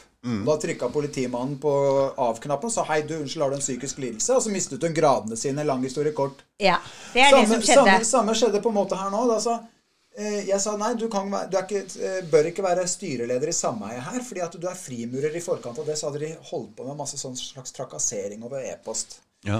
Og så eh, er det sameiemøte, og så stemmer de alle sammen over dette her. Og så sier de at eh, nei, han får fortsette å være. Og så sier han nei, jeg, nå vil jeg ha meg frabedt at du noen gang skal nevne noe om at jeg er noen frimurer og sånn. To dager etterpå, nei, en uke unnskyld etterpå, så får jeg brev fra Obos advokater om at eh, du, Henrik Allum, du har eh, utskjelt en av eh, styrets eh, medlemmer på fellesarealene og kalt han for det ene og det andre, og dette er trakassering. Og nå vurderer styret, hvor han selv sitter, at Naima må tvangsselge boligen sin under huseierloven paragraf 25. Da skulle de tvinge henne til å selge huset. To dager etterpå der igjen så kommer det en anonym bekymringsmelding inn til barnevernet hvor de sier at far er gal. Han har eh, begynt å sende konspirasjonsteorier på e-poster rundt til naboene ingen forstår. Og på fritida så står han ute på fellesarealene og kjefter, mens barna forstår ingenting.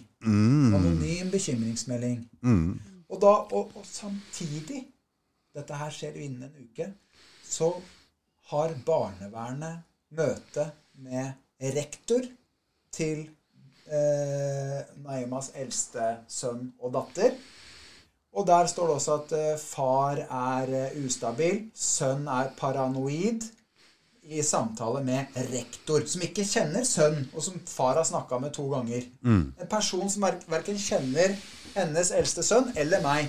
Så der har du dette forsøket på psykiatrisering som metode. Hva måtte jeg gjøre da?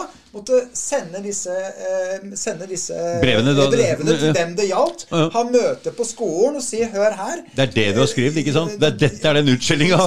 Her er det. Hva er, mener du med dette her spesifikt? For dette, dette stemmer ikke. Da måtte vi ha oppvaskmøte. Mm. Men gjør man ikke det, så blir dette eh, Hengende. eh, hengende ved som eh, juridiske dokumenter i en rettssak i framtida. Oh, ja, oh, sant? å ja, så ja. sitter du der med skjegget i postkassa, Riktig, så er det et helt annet Mm. narrativ enn det som er sannheten. Ja, som ja, kommer fram. ja, ja, ja. Det var det jeg ville si. Og det, det har hun opplevd hele livet. Det, det opplevde jeg plutselig da. Som jeg For det sa. blir liggende igjen som en sånn uh, papir ja, som de kan bruke seinere i en rettssak, hvis du ikke tar tak i det. Nettopp. Og nå spoler fast forward. Det er mange detaljer i den saken her som vi heller ikke får plass til i dag. Da. Nei, nei. Men, men, men Ja, for det er noe der jeg veit hva det Spole, spole fast forward, da. Eh, 8. januar så kom det en ny bekymringsmelding inn til barnevernet. Og en undersøkelsessak nummer seks ble igangsatt. Uten at det er fattet noe vedtak om noe tidligere. Så de bruker, så Tenk deg å bli undersøkt seks ganger som omsorgsperson. Da, Uten at de har tatt noe barn eller fattet noe vedtak eller noe hjelpetiltak eller eh, bretta noen sokker eller tatt en oppvask eller gjort en dritt. De skal bare ha eh, lønn. Og så også det som er uh, veldig viktig her, det er at eh, den, de undersøkelsene og den uh, trakasseringen, det har jo vært med på at jeg har fått en veldig sterk reaksjon, angstreaksjon, da. Klart det. Eh, og det er jo, som jeg sa til deg, når det begynte allerede når Leonardo var bare et par uker, sønnen min. Skal ikke jeg nevne noen navn her, egentlig, men uh, det er bare hans fornavn. Eh, så er det, er det det at uh, jeg har hatt den angsten for at de skal kidnappe sønnen min i 18 år. Og han er myndig, og fortsatt så stopper de ikke. De har ikke noen grenser. De har eh, invadert privatlivet mitt. De har prøvd å ødelegge familielivet mitt. De kommer på helligdager Hjem til dere? hjem til deg, eh, oss når det er helligdager. Slipper dere dem inn, eller? Ja, ja, jeg må det. Fordi Du må at, det? Hvis ikke så står eh, politiet og Ja, de sier ja. er gæren. ikke sant? ja, ja, ja. Eh, Så, og de ljuger. De har eh, utallige ganger skrevet i forskjellige referater rundt omkring i byen at vi vet mor lider av en psykisk lidelse. Mm. Fordi det har eldstefars sønn sagt. El- el- Eldstefars sønn Nei, eldste- eldstesønnens far. Mm, Ja, ja, ja. Eldstesønns Eldste sønns Ja. far sagt. ja mm. Eh, og så det, det De er, vet det fordi han har sagt det. Ja, men, Det er voldsomt. ja, men, men, men du skal Sånn, sånn er det hele tida. Det ljuger så det renner her. Nei, ass. men det er veldig mye sladring. Mm. Veldig mye eh, dokumentforfalskning Mm. og lovbrudd som skjer i barnevernsetater. Mm. Det er veldig viktig at folk vet det. Advokaten vår samarbeidet Han er også gått opp eh, Han har vi også eh, stevnet. Oslo- Advokaten dere hadde, Ja, og det var fordi at han eh, eh, han, altså For å gjøre det kort og si det litt pent, så, så på en måte sa han seg ja til å ta bestikkelser fra mine to yngste barns far, som er mangemilliardær, utvandret. Ja. Ut, han bor ikke i Norge? nei, han er utvandret. Mm. Eh, og på grunn av det at han Mange milliardærer, ja, for det her har du også en mektig, mektig, mektig Det er, det, det er bra du kom inn på det, Naima. For det er det, det her som egentlig er den rosa elefanten i den podkasten her, på en Ja. måte, og i ditt liv. Ja. Mm. Så er det det at far til dine to yngste barn Mm. er kjent norsk offentlig person, mangemilliardær og utvandret fra Norge. ja. Mm. Og, og eh, han eh, har da Og han er Sankt Olavs-medaljert. Det er litt viktig, så han har stor anseelse innad i kongefamilien. Det er Og det- viktig å få med seg. Det er også faren hans og hans bestefar også. Så det er noe som går i arv, det her med Sankt Olav i den familien. Så her har dere rota dere borti noe greier. også, Og så- Og så- i- i- det- For det var det du ville fram Ja, men, til? ja, men altså, jeg kjenner jo han godt selv. Ja. Oh, ja. Han var jo, jeg var jo en god venn av han. Han hadde jo et forhold til Naima i ti år, hvor de fikk to barn og levde i et, eh, et kjærlig slags ekteskap. Altså, han var jo gift i utlandet. Mm. Men, men dere hadde jo et eh, genuint forhold og var ordentlig glad i hverandre. Ja. Så jeg kjente jo han godt. Ja. Vi satt jo og hadde masse samtaler om alt sammen. Mm. Men så, når han, enten om han ble tatt eller hva Han ringte meg en dag. Tatt? så- Ja. Og jeg har tatt hjemme? Altså, Ja, ja, ja. familie. Det er nå egentlig denne podkasten Blir begynner å bli uh, spennende. Ja. Ja. Fordi at uh, når han ble tatt, eller om han sa fra, eller hva som skjedde, altså Ja. av sin egen familie i utlandet Mm. uh, Så ringte han meg og sa han, du, jeg har fortalt alt til familien min. Så sa jeg alt til familien din? Jeg har fortalt om forhold og alt sammen til familien min. Ja vel, ja, men ok. Hvorfor, hvorfor har du Jeg fikk litt sånn, ble litt sjokkert. Ja vel, ja, da hadde jo de vært sammen i ti år. Ja, hvorfor har du gjort det? Nei, ny dag og nye muligheter, sier han. Og så blir eh, Og så blir det Og så er det sånn her ja, Ok, greit, men hvordan skal du i hvert fall gjøre opp for deg, da? Ta vare på barna dine. Et av barna, felles barn til Naima og denne milliardæren, er jo eh, globalt handikappet og funksjons Riktig, ja, ja, ja. funksjonshemmet, som krever jo tilsyn hele døgnet. Ja. Så det er ikke bare et vanlig barn heller vi snakker om, det er ekstra ressurskrevende barn. Mm, Og en, i tillegg en sønn. Og, og hvordan skal du ta vare på dem? Nei, da kom det Da, da, ble, jeg kalt inn, da ble jeg kalt inn til et møte Mm. med advokaten hans i Oslo. Møtte opp der og fortalte som saken var. Nei, jeg, jeg er student, og jeg har på en måte ikke ressurser til å ta vare på disse barna dine, da, økonomisk. Så det må nesten du finne en løsning på. Og så noen uker seinere så kommer det da et kontraktsforslag hvor jeg skal adoptere barna. Eh, det skal ikke tas noe DNA-test eller noe farskapstest. Eh, Mot en sum på jeg tror han foreslo 15 000 i måneden. Ja. Og, eh, og eh, hvis jeg ikke gjorde det Husk på, da, og, og, og, og adopsjon ble avslått av barnevernet. Det er barnevernet som godkjenner adopsjon og tar for seg hele den prosessen. Da skulle det lån på flere millioner kroner forfalle. All støtte og sånt noe han har gitt eh, til barna i, sine gjennom årene, var plutselig blitt til et lån. Og skulle nå eh, betales tilbake 30 dager etter avslag om adopsjon. Hvis det Oh kom det. my god, han der, da. Ja, Og dette her er svart på hvitt. Det ligger på bordet. Det Men du må huske på én ting, at uh, siden han brøt ut av forholdet med meg, så har all kommunikasjon skjedd gjennom svigerfar og kone og advokat. Jeg har ikke snakket med han igjen siden. Nei. Kun disse truslene og utpressingene med titalls millioner hvis ikke vi gjør det. Og så var det jo en på, eh, på et tidspunkt de sa hvis dere går ut i medien, mediene, Mm. så skal innen så og så mange dager to millioner da skal det, du, I straff. I straff. To millioner i straff 30 dager etter at det kommer ut. Og, og, og det her er litt interessant. Men, men har det kommet ut i mediene? Ja. ja, ja, ja, ja. Det, det her er, og det her er litt interessant for deg, Dag Thomas. Mm. Fordi at mediens rolle i dette her, og vært med på stigmaen, Ja. og lage et sånt narrativ som er fiktivt ja, for du har vært i K... Eller hva faen? Nei, det her var i Finansavisen, og Ja. det er litt interessant, fordi Trygve Hegnar, som eier Finansavisen, han pleide å samarbeide med, med han har eh, Den utvandrede milliardæren. Eh, han han, eh, han de, de drev et cruiseselskap sammen. Ja. Mm. Og gjorde det veldig bra. Men så ble det krøll på tråden mellom de to, og så ble de bitre fiender. ja. Mm. Og så For noen år siden så skrev Trygve Hegnar om denne utvandrede milliardæren og hans business med narkotika, kveg og menneskehandel Oh i! Colombia. Okay. Oi, oi, oi, oi. Gjorde faktisk det. Og, Ja. og da ble denne milliardæren så forbanna at han gikk til rettssak, sånn injuriesak, sånn der han følte seg krenket, han og broren. Mm. Og så tapte de i Oslo tingrett, og så Ok. tapte de i lagmannsretten og, og retten at Hegnar hadde dekning, og journalisten hadde dekning for alt de hadde skrevet. Å, fy faen. Øys. Og så, Ja, men det er, dette er eh, s- eh, Fakta. Ja. Og så er det slik at uh, uh,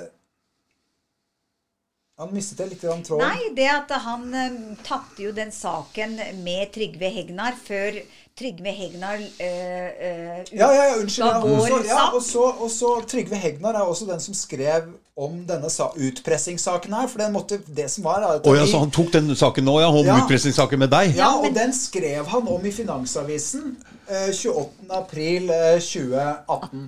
Ja.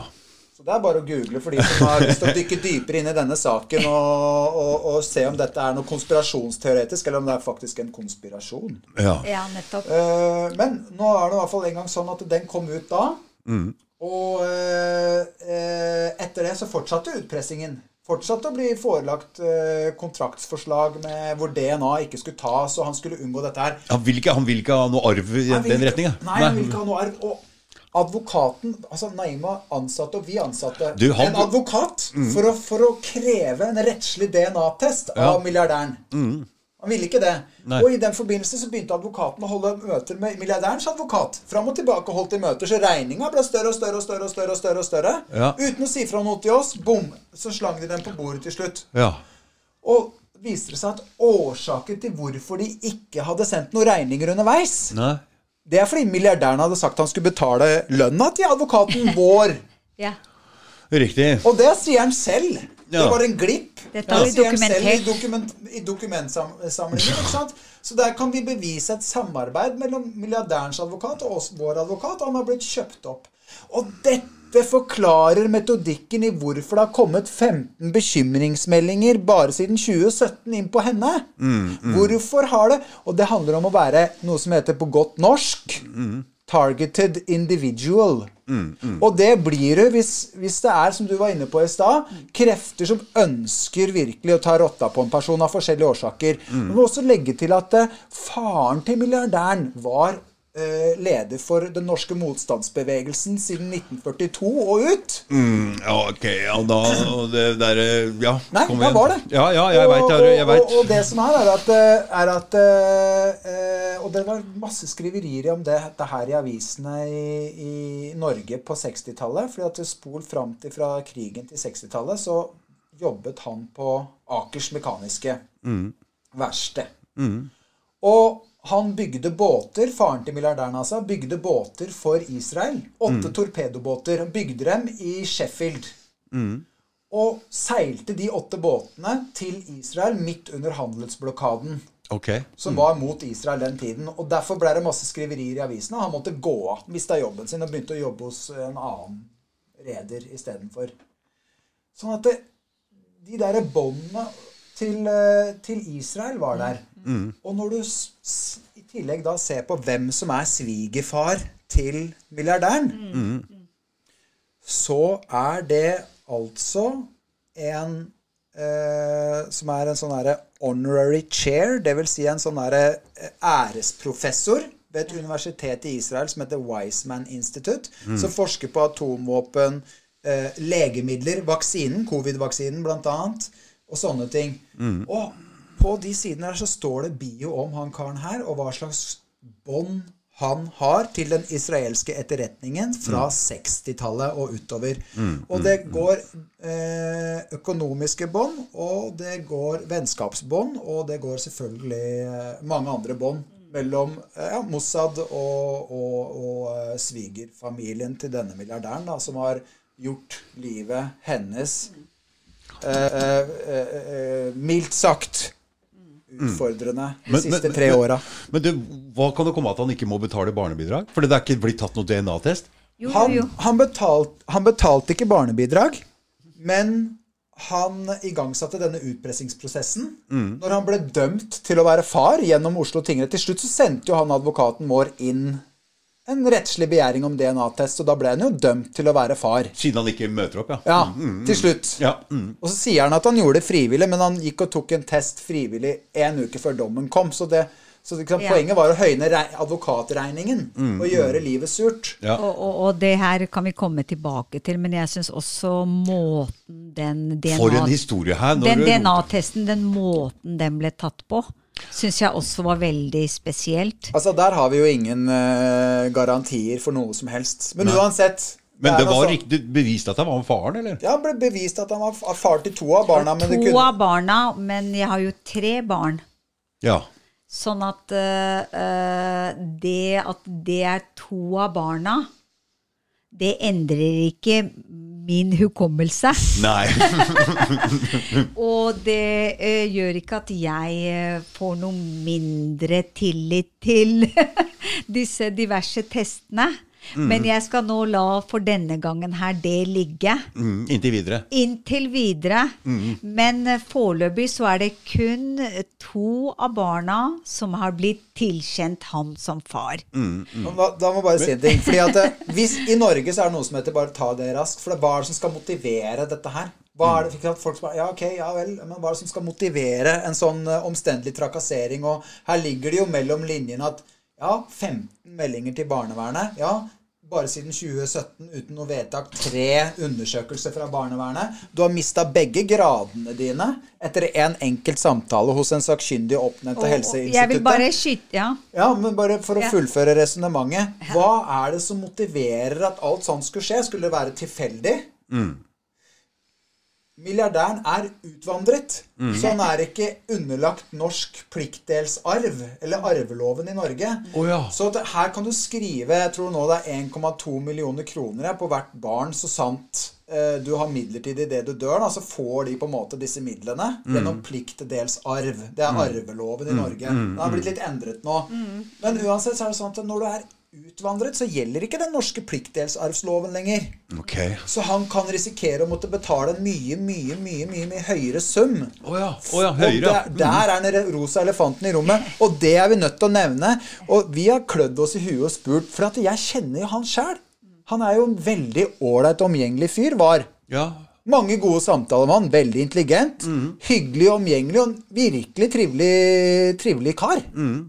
Så hva er det som motiverer denne 180 grader turnen og det her voldsomme angrepet på deg? Og sine, er en og sine egne, og Og sine egne barn. og sine egne ba Ja. multifunksjonshemmede barn. Oh my god. Hva er det som motiverer deg? Ja. Men, men her eh, er det veldig viktig også at jeg eh, får lov å si noe her. Du vet, for det første så fikk jeg tak i den advokaten her, som jeg har stevnet nå, gjennom saken journalisten i Finansavisen som Trygve Hegnar er eier til. Og det som er så interessant, det er at mens han her eh, stakk av, og det er full isolasjon mellom meg og han, all kommunikasjon foregår gjennom svigerfar, kone og advokater, og gjennom disse offisielle anstaltene her. Så må du huske på en ting. Når jeg ble intervjuet av Finansavisen Ja. 28. mars Er det 28. mars?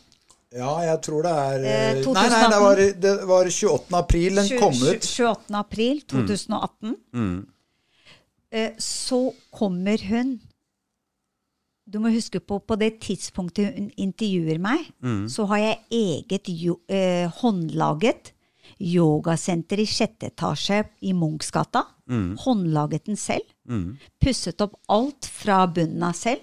Laget egen yogaserie. Pluss at i tredje etasje så har jeg eget legekontor med rekvireringsrett. Du var lege da? Jeg var lege. Ja. Hadde, lege, jeg hadde bare embetseksamen igjen, som jeg skulle ta med han. Forstår du? Ja, ja, ja. Så, Og jeg var autorisert klinisk ernæringsfysiolog. Ja. Og var, så når jeg Fy faen. Så når jeg, når jeg, eh, når jeg eh, ble intervjuet av denne journalisten, så var det på mitt eget yogasenter i Munchs gate, i sjette etasje. Der ga jeg intervjuet. I etterkant, når den saken kom ut, så har jeg i all ettertid etter det blitt anførselstegn eh, eh, ansett som en golddigger. Fordi i, hvis du ser den avisen Han blir sett på som bipolar student som skal eh, adoptere barna. Jeg blir sendt på Jeg blir beskrevet som en personlig trener som sa at 'he's a big guy'. Står ingenting der om at du er eh, utdanna lege og ernæringsfysiolog. Står det ikke noe. Ingenting! Så, og, og så ringer jeg Finansavisen og spør henne om hun kan skrive en oppfølger. Fordi her var jeg anonym. Jeg ser jo at det, overalt i Oslo så skriver de hun elsker, Personlig treneren er et hespetre. Hun er det. Hun, har, hun er Men- golddigger. Men jeg må jeg si en fikk- ting. Jeg må si en ting. Ja. For det, hva er det som motiverte at vi skulle ut i avisen? For at vi, det, det, da må folk huske på at Ja. vi hadde ikke noe valg. Ja, hadde ikke Fordi posten vår ble borte. Ja. Kom tilbake ferdig åpna Ja. etter et par uker. Eh, og så har vi jo vi en sånn en eh, psykolog eh, som vi også går til. Ja. Jeg skal ikke nevne noe navn der heller, men Nei. han fikk, han, han eh, fikk innbrudd på kontoret sitt midt på natta. En kar i finlandshette og innbruddsbag med alle verktøy på 1,85, topptrent kar, midt på natta. Han lå og sov på kontoret sitt. Ja. Pluss at han ble anmeldt av barnevernslederen som prøvde å ta barna mine. Hun anmeldte psykologen min. Nå blir det så mye her at jeg blir helt forvirra! Nei, du trenger ikke bli forvirra, for alle de tinga her har skjedd, og alle de tinga er blitt dokumentert, dokumentert og legges fram for retten. Men altså, altså barnevernslederen i den by, gjeldende bydelen anmeldte psykologen for rollesammenblanding eh, og, og til eh, fylkesmannen, fordi at eh, de må prøve å forsøke å isolere deg, som Naima forklarte tidligere. Ja. De må isolere. De må ta bort støtte. Så Ja. du har en psykolog, og han forteller at, eh, at eh, du går i ukentlig samtaleterapi, er en god mor og ansvarlig person og eh, osv., så, videre, så passer jo ikke det med narrativet som barnevernet forsøker å lage. ikke sant? Men, men greia her er, for å gjøre en lang historie kort, mens milliardæren har utvandret, Ja. så blir pakkisen hjemme i Norge eh, eh, nedbrutt, for å si det enkelt. Og, og greia her er at det som er eh, interessant, er at jeg blir hele tida underkjent under utdannelsen min. Underkjent eh, meg som yogalærer. Underkjent eh, som en som har drevet eh, yoga, faktisk en av de som har holdt på lengst i Norge. Jeg har undervist her i snart 20 år. Underkjenner meg som eh, en lærd kvinne. Eh, og blir psykiatrisert Ja. og blir sett på som en golddigger som er ute etter denne milliardærens penger. Og alt fokuset er på det. Hvor enn jeg går, så er det disse barnevernet, politiet, Nav som prøver da å sko seg på det livshistorien min. Og hvor enn jeg går, så, om det er politimann, Nav eh, om det er altså Jeg har skrevet brev til Kjell Ingolf Ropstad og sagt Hør her, kan du få slutt på dette her? Det er For bar- er det barne- ja, han var det. Han er, er ikke han også det ennå? Han er barne- og familieminister. Og jeg bare, hør her, jeg er lei av at embetsmenn er korrupte og tar bestikkelser og ljuger om meg. Jeg er dritlei. Fikk ikke noe svar. Husk, jeg har sendt 15 fullstendige klager til statsforvalteren. Alt er henlagt. Jeg sendte 10 klager til UiO. Alt er henlagt. Jeg sendte klage til skikkelsnemnd, til you name it. Overalt så har jeg prøvd å uh, kjempe min sak. Før denne saken kom ut i Finansavisen, Universitas, Aftenposten, VG, Se og Hør, Klassekampen, Dagbladet. Jeg ringte absolutt alle fordi at jeg ville ha hjelp. Mm. Jeg skjønte at uh, til og med jeg, eh, som er faktisk velutdannet kvinne og vet om mine rettigheter, ja. jeg blir jo ikke hørt. Jeg blir jo bare meid over og psykiatrisert. Mm. Endte opp med at uh, når jeg dro til politimannen Allerede i 2015 så jobba jeg som legevikar, bedriftslegevikar, mm. på mm. Heggelig helhetsmedisin. Ja. Heggelig helhetsmedisin var den gangen den mest kjente alternativ eh, medisinsk senter i Oslo. Mm. Jeg hospiterte hos en lege som var veldig, veldig dyktig. Mm. Med det med ernæring og kosthold og omega-3 og kunne alt om det. Var den beste. Mm. Hele byen dro til han. Ja. Jeg eh, fikk jobb der. Mm. De skulle betale for utdannelsen min. De sendte meg til Chicago for ja. å studere hormoner. Eh, de ville ha meg der som lege og ernæringsfysiolog og mm. yogalærer. Ja. Det var leger der. De ville utdanne meg i noe som heter functional medicine. Så de ville betale for de forskjellige modulene. Det var derfor de sendte meg til Chicago. Mm. Uh, mens jeg var i Chicago Nei, det her er 2015. Før jeg dro til Chicago, mm. så får jeg en innringning fra Legeforeningen.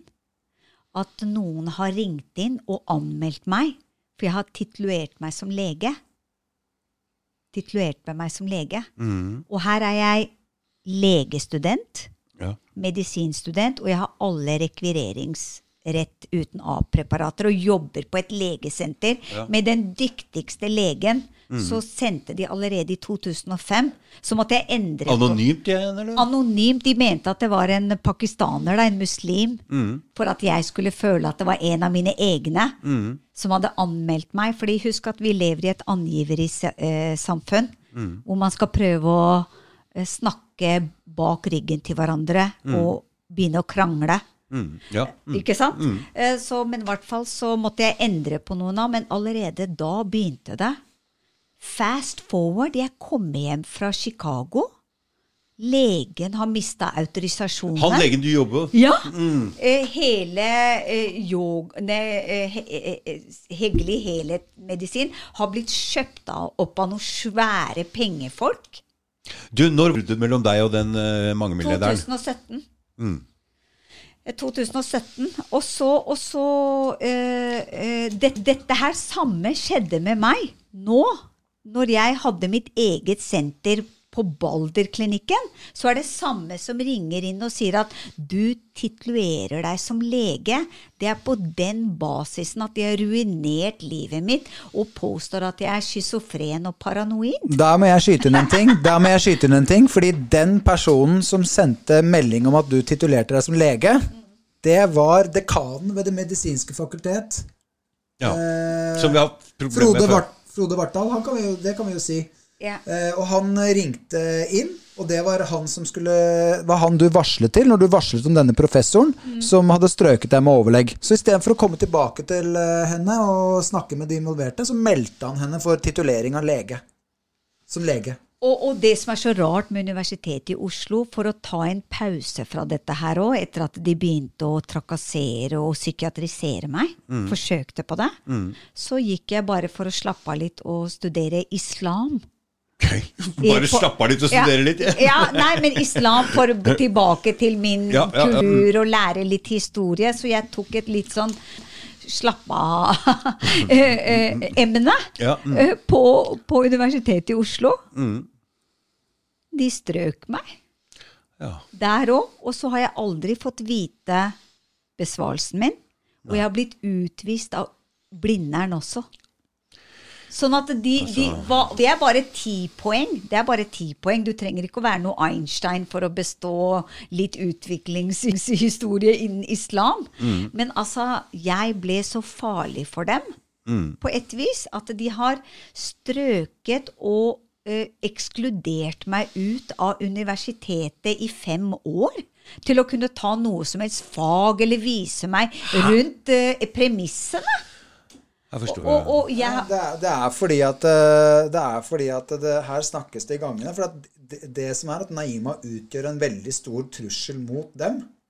Fordi du har varslet eh, om en professor som eh, er såpass høyt oppe i systemet at han sitter og eh, snakker på NRK om helsen til medlemmer av kongefamilien. Og der er det vel oppsummert at mm. når du på en måte pirker borti den eh, virkeligheten der, og den ikke er som, som den ser ut, at det må man bare legge lokk på. Og da, går det, da blir det psykiatriseringsforsøk med en gang. Det, det, det sånn er det. Oppsummert så er det men, sånn. men også hvis du er lege og tenker annerledes, og Altså, det veit jeg. Altså, jeg var jo, så blir du fjernet. det vet jeg. Jeg var på Sevle-seminaret, og der prata med en lege. Sto og holdt foredrag. foredrag. Men det jeg ville vite på, var hvorfor han mista lisensen sin. Det var det jeg syntes var interessant. Jeg sa kom igjen, fortell om hvorfor. Ja. Han hadde gitt antibiotika til en borrelia-pasient, Ja. og, og, og en annen ting hvor han hadde gitt noe til en som hadde noe autistiske greier. Tjong! Ferdig. Mm. Mista lisensen. Så det der er Hvis du ikke går i Men, linje som men det som er veldig rart her, det er at, det er at eh, du vet, eh, på Balder-klinikken, han som var min eh, legepartner der, han, eh, det er mange som har eh, mistet eh, lisens under han. Ja. Men han har aldri mistet den. Og, og det som er veldig rart, det er at han og han professoren De er gode venner. ja. de er veldig gode venner, mm. både innad i universitetet og alternativ medisin utad, privaten. Ja. Og, og, og saken er at faren til han eh, professoren, han har også vært professoren til han eh, sjefen min. Fordi Så det er en eh, veldig, veldig lite nettverk med leger, advokater, dommere. Og veldig mange av de kjenner hverandre. mm. Og det er veldig bra kontroll over den ernæring-legebiten sjøl. Ja. Og at det ikke kommer inn noen andre der og blåser hele greia deres at eh, hvor viktig det er med ernæring. Det er så Ikke sant? viktig. Fordi den filmen til Terje Toftenes òg, den er jo helt shadowband. Ja, ja, Det er jo ingen som Nei, fordi ikke sant? her går det med en gang på det at legemiddelindustrien ønsker jo absolutt ikke Nei, at den nei. kunnskapen der skal komme ut. Ja, fordi, da, ja. fordi da har ikke de noe å tjene penger på lenger. Nei. Fordi de som jeg, som jeg opplevde, de skal ha det der pillekortet til den og den Ja, ja, ja, diagnosen, ja, ja, og det er det som ja, gjelder. ja. Så er det bare bullshit greie. Og, og det. Pillegreiene. Og, og det, er veldig, det er egentlig veldig farlig uh, at det, det er så tette bånd med få spillere. Fordi at du ser Mm. De kontrollerer det nå. alt. De, de kontrollerer alt, og andre mennesker eller andre ideer får aldri komme til. Fordi det Ja, Han, det- han ja, mm, professoren riktig. Jeg skal si til deg etter eksamen hvorfor han strøk meg. Mm. Og her skal du høre hva jeg strøk på. Mm. Han sier jeg er farlig lege. Ja. Mm, mm. Så, sånn at du ser hele tida 'jeg er farlig', Mm. 'jeg er eh, paranoid', mm, paranoid', Jeg, 'jeg er ikke god mor', 'ta fra henne barna'. Mm. Det er hele tida dette her eh, narrativet som alle disse spiller på samme. Mm, For folk som er truende eller varslere, Mm. eller på noe som helst måte avslører er samarbeidet deres. Og du er både varsler og en fare som lege. Veldig. Ikke sant? Begge deler. Ja. Pluss at du har fått deg en fiende i han mangemilliardæren. Veldig Ja. spesielt hvor, hvor, Ja. hvorfor han snudde sånn plutselig. Ja. Har du noe Jeg tror han ble tatt. Tatt vet, av familien. Ja. Mm, Ikke ja, sant? Mm, mm. Eh, fordi at, at Og hør her. Jeg, ha, det, egentlig det var han som presset seg på meg. Mm, ja, det er jo alltid menn som presser seg på. Ti, ti år for tilbake. Han, han, han dukket opp på yogastudioet mitt. Ja, plutselig ivrig yogastudent. Veldig ivrig. Og, og var veldig ivrig etterpå. Ja, ja. Gutter er menn er jævlig ivrig. Når når jeg skulle ta turnustjeneste, Ja. han var hovedreferenten min. Ja. Han var eh, Altså, jeg underviste han i syv år, jeg. oh, ja. På studioet mitt. Jeg hadde eget yogastudio på Vika. Underviste han i syv år og tok vare på helsen og alt sammen med han de årene jeg var sammen. Skriv et brev til, da. Nei, Bli- men, men, men greia nei, men Han var jo gift, men greia her? Hør her. Det du skal vite, er at de barna Mm. De var lagd ut av kjærlighet. Fordi we were in love. Mm, mm, mm. We fell in love. Han var gift, og vi hadde kjempekomplikasjoner av det. Mm. Og vi prøvde å holde unna hverandre. Men vi var skikkelig forelska. Mm. Og de barna hadde aldri blitt det hvis ikke det var så sterke følelser i spill. da. Klart det. Og han uh, slet jo enormt mye samvittighetskvaler fordi han var jo gift. Du Ikke må sant? få han inn på banen og hjelpe deg igjen. Jeg skjønner ikke det Det greiene der. løpet tror jeg jeg sjøl. Eh, altså, du Men det, det, det, det, er, det er ikke han som styrer heller, vet du. For at eh, svigerfaren hans Ja, er ikke det hvem er som helst. ja, Det er, han sitter på toppen av Ja, den, den finansielle og politiske gutteklubben Grei med Ja. Mossad i, i, i, i bukselomma i Israel. ikke sant? Så han er egentlig sørafrikaner, men i hvert fall han fra starten av. Ja. De bor jo over hele verden, så vi snakker ikke om Men vi snakker, det er at han risikerer å betale ut dette her i arv. Pluss at han har brakt en slags sånn i anførselstegn skam over den delen av familien. ikke sant? Ja. Tenk deg det, at de er jo på en måte sionister. Mm. Jeg sier ikke, ikke jøder, for jeg, har ikke, jeg, jeg skal ikke være, blitt, gå i den fella at hvis du sier noen om, om noen som er fra Israel, som Mm. er negativt, så er det plutselig antisemittistiske uttalelser. Det er det ikke. At dette er sionister, Mm. og dette er elitistiske globalister i sånne filantropiske paraplyorganisasjoner Mm. som sitter og trekker i trådene av hva som blir politiske beslutninger til slutt. Ja. Så han stiller i en helt annen liga, og Christian bak, brakte skam på det. Kan tenke deg, Han fikk barn med en muslimsk kvinne. Ja. Muslimsk, vakker kvinne. ja. Mot, i, i, i, som motpol mot disse Disse her eh, elit... Altså, de skal treffes på rokokkoball i Oslo, disse folka her. Ja, ja. Og så skal de få barn seg imellom. Ikke med muslimske, vakre kvinner fra Østen. Det er helt feil. Alt er feil, Ja, det er helt gærent. Og det, det, det, så det Så han er bestemmer ikke sjøl, han her. Nei, Nei. Nei, Pluss nei, de nei, penga, pluss de penga som han eh, kan risikere å måtte betale i arv, som Ja, skulle ja, vært innad i ja, familien. Altså, tenk deg for et sjokk. Husk at de ti årene så visste jo jeg at han var mangemilliardær og var kjent person. Og jeg brukte de årene jeg var sammen med han, å beskytte navnet hans. Mm, jeg sa jo til alle i, som jeg underviste, Mm. at han er fransk Ja. og heter Jean-Luc. Det Fint navn, da. Jean-Luc. Nei, men i etterkant så har jeg funnet ut av en av han Ep Jeffrey Epsteins venner. Han Ja. heter Jean-Luc Brunel. så jeg gikk jo ti år og sa Jean-Luc, Jean-Luc. Jeg bare, jeg håper ikke folk tror det er han derre som er i fengsel nå. Han eh, Epstein number two. men i hvert fall, jeg sa ti år Jean-Luc, Jean-Luc for å beskytte han, ikke sant? Jeg kunne jo ikke si at hei, det er han Hvor gammel er? Han- Han, han er 72 nå. Ennå så kan han ikke bestemme sjøl. Ja.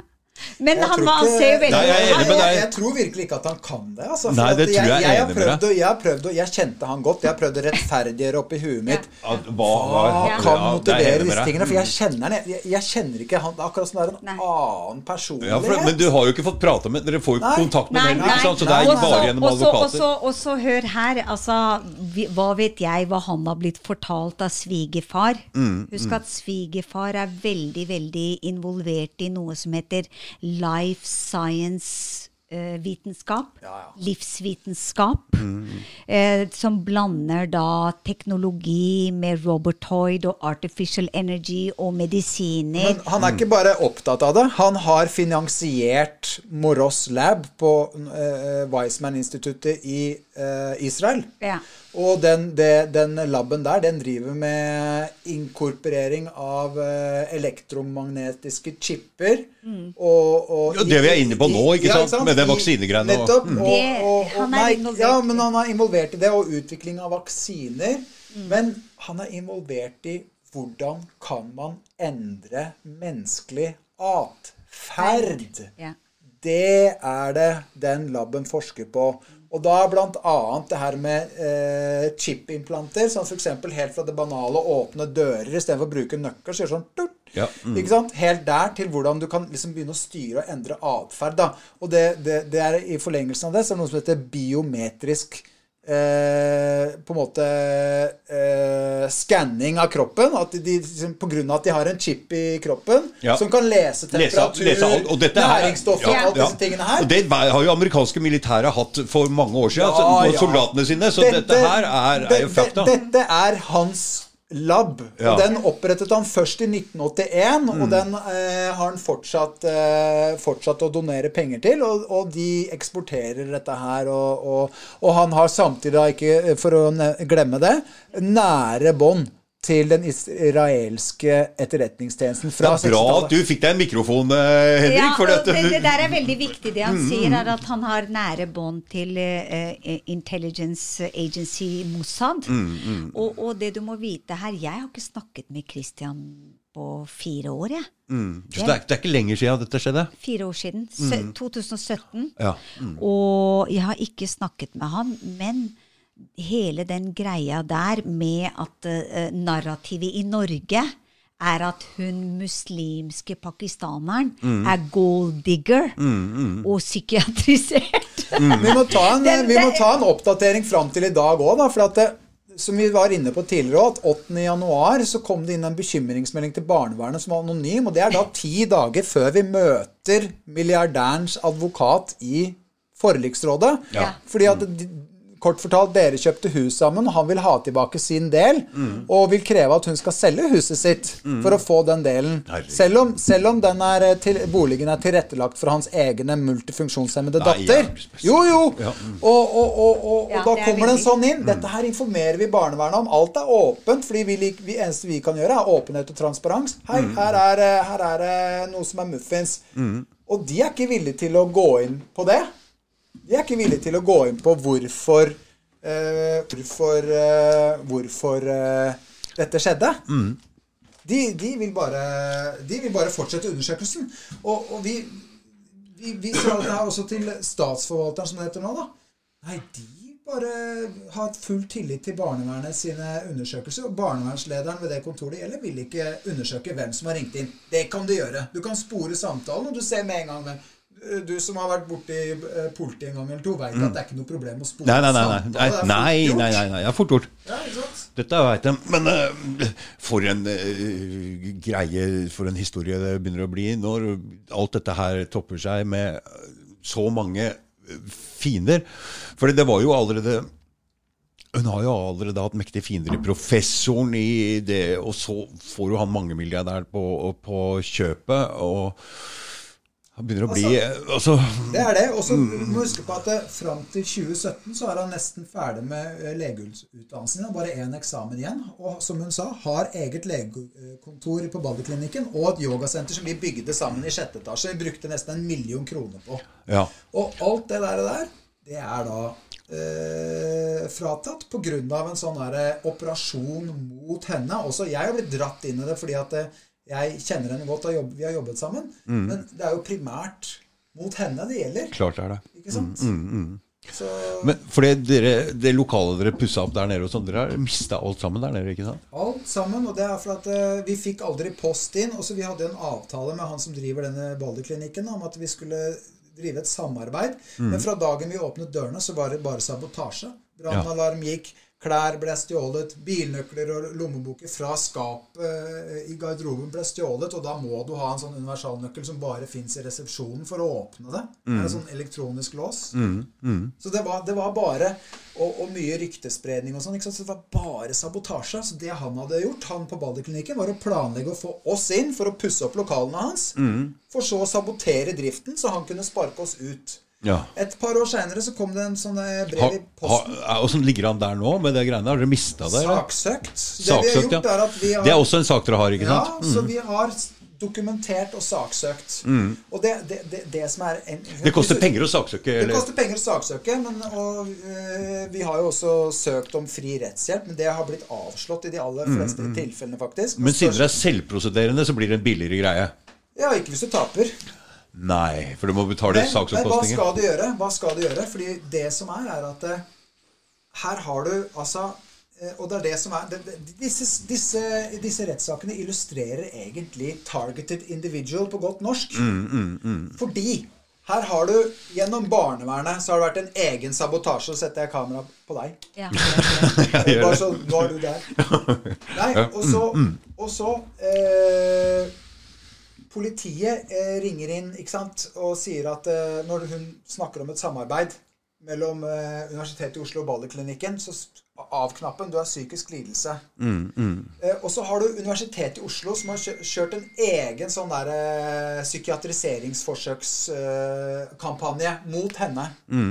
Så du har mange sånne separate celler som har kjørt disse kampanjene. Og de har aldri ligget åpent eh, for noen til å se før nå i Oslo tingrett. Det er, eneste, Når så- når det er kommer- den eneste måten å gjøre det på. Uh, Når kommer saken har- deres opp? Jeg har nå per i dag ca. seks stevninger liggende inne. Oslo Har tingrett. dere fått noen berammelse på noen av sakene? Uh, ja, jeg har, jeg har Nei. Det har jeg- vært i, en har vært berammet og vært oppe. Det var 18. januar. ja. Og så er det da Er den oppe til vurdering Ah, Nei, den, den, har vært, den har vært. Det var i forliksrådet. Og så er det nå de resterende fem sakene har fått saksnummeret Ja. og venter på å komme opp. Hvor, hva er slags de- rettssystem er det der når du går til sivil? Er det vanlig, øh, vanlig for, du, jeg er- byrett? Det er ikke noe Ja, du, du, du, du, du går Først så leverer vi, f.eks. jeg, da, som har levert inn en stemning. Første gangen så gikk jeg ned på Oslo tingrett og fikk hjelp av en dommer til å skrive en stemning. Ja. Leverer inn stemningen, så får du saksnummer, så er det en dokumentsamling. Så sender du inn bevis. Ja. Daterer beviset, beskriver om beviset, så kraller du inn vitner. Så blir dette en dokumentsamling.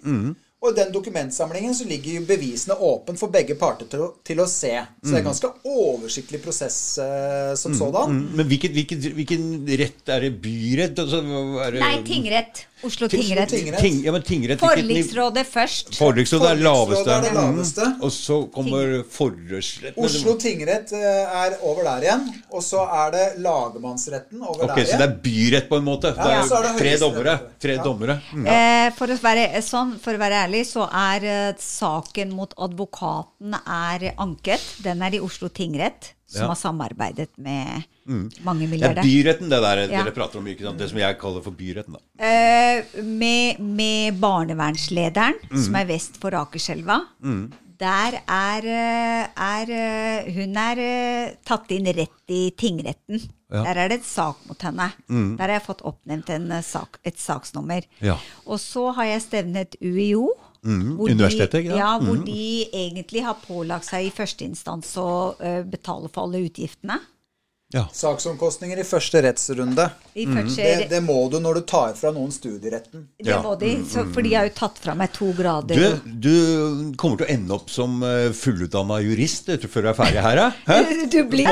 Ja, du må bli det. Mm. Du, du, blir det, og det, det er ingenting du kan, kan gjøre før du med hard, hard fakta Mm. Legger bevisene for alle til å se. Du, vet du hva? Jeg eh, har vært sammen med en jurist. Hun Oi. kommer fra Brasil. Oi. Hun uh, kom ikke hit før hun var 20, Aha. og tok juristutdannelsen sin her uten å kunne språket ordentlig. Oi, wow. wow. Så hun også Så var su supersmart, supersmart, ikke sant? Ja, ja, ja. Nei, så det med jurist og å lære seg om rettighetene sine altså Mm. Vi har jo blitt uh, advokater nå by default, Mm. fordi vi må forsvare oss selv. Du må huske at vi uttømte absolutt alle andre kanalene. Mm. Jeg har sendt inn helseklage, pasientskadeerstatning. Mm. Jeg har sendt inn overalt. Uh, jeg har uh, skriket til alle etater i fire år.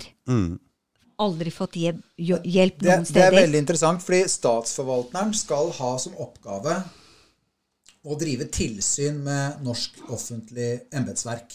Det er jobben til statsforvalteren. Men dette har snudd seg helt de siste årene. Det er et, nå er det blitt et samarbeid, f.eks. barnevernet og statsforvalteren. De samarbeider. fordi at Vi har jo lagt fram dokumentasjon på dokumentforfalskning og ryktespredning fra barnevernet mot eh, henne eh, overfor statsforvalteren. Men når de avviser den klagen og ikke oppretter noen tilsynssak mot barnevernet, så tar de ikke stilling til de dokumentene som vi har sendt inn. De sier bare at hvis barnevernet har grunn til bekymring, så har de grunn til bekymring. Det at de ljuger og, og, og, og forfalsker dokumenter og sprer rykter, det bryr ikke statsforvalteren seg om. Her, her må jeg bare skyte inn her at det Henrik sier, at det har jo vært en kamp om tiden.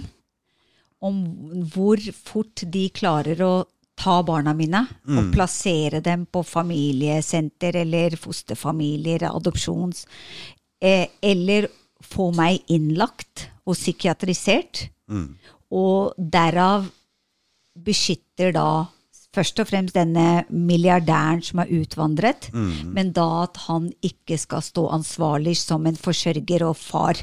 biologisk far. det. Ja, det skjønte jeg med en gang. Jeg med en Det, gang. det er plottet bak Det der. skjønner jeg med en gang at det er det, ja. Mm. Og da har jo barnevernet rett. Da har jo eh, Universitetet i Oslo rett. Tør du virkelig å gå denne saken uten å ha noe jurist, ju, altså hjelp fra noen jurister til å ta den saken? Tenk hvis du Hør- gjør noen hør- feil? da. Hør her, jeg har allerede hatt gått gjennom ti advokater Mm. som jeg ikke kan jobbe med fordi de samarbeider med milliardæren som har utvandret. Ti. Altså, de gjør ikke det til å begynne med, men så kommer det fram av at uh, etter hvert så kan de ikke ta saken, eller så er, plutselig er de bortreist. De er eller, ikke sant? Det, det er så grovt, vet du. Så det, Jeg lurer på om jeg skal gi deg nummeret til hun eh, For hun, hun ligner faktisk på deg. Sånn liten sånn så, Ja. så, du, Nei, men, men greia er at uh, jeg har sendt inn uh, For meg så er det veldig enkelt med de stevningene. Mm. Jeg har stevnet inn barnevernsleder. Jeg har stevnet inn UiO. For å urettmessig tatt fra meg mine grader. Mm, Men du veit hvordan det er med denne ju, Ja, ja, ja. juridikum. Det jeg- er, det, små, det er små ord, det er små greier som man kan bomme på. vet Nei, du. nei. Ikke? Fordi at når du kommer tilbake, tilbake og det her vil jeg at alle andre skal vite òg. Ja. For du, du har alltid lov til å Oi! Er det min eh, Jeg må tytte på Husk at uh, du kan Nå tenker jeg. Hør her. Holdt på å gå over tom for strøm, ikke sant? Oh, gikk det bra? Jeg veit ikke. Se om jeg er på bildet der. Nei, eller? du er her. Ja, jeg rører på meg. Ja, ja. Nei, fordi at eh, det som er Når du tenker på natural law, Mm, natural law. natural law, Mm. så bakteppet ditt, det er bare sannheten. Mm, Og det som er naturlig og ekte, Mm. og det som er sant.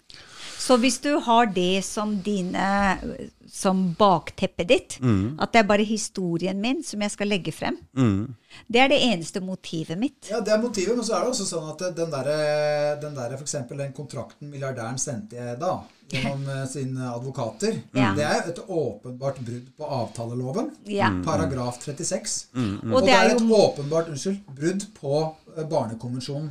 Så det er ikke, det er ikke sånn at det ikke er noe Vi går, vi går ikke til, til retten uten å ha juridiske paragrafer Nei, nei, nei, nei, nei, nei. Nei, er, alt er grundig, grundig arbeidet. Ja, mm. Og alle dokument, dokumentene, SMS, lydopptak, alt er tatt vare på. Du, nesten alle folk jeg har innom her, har jeg liksom følt Oh my god, det er en grunn til at du har fått den posisjonen her. Det er grunn det du kjemper nå mot hele, hele Ja. og, og, og jeg ser jo nå at hvis du klarer å vinne gjennom med det her nå, så vil du gjøre en um, jobb for andre også.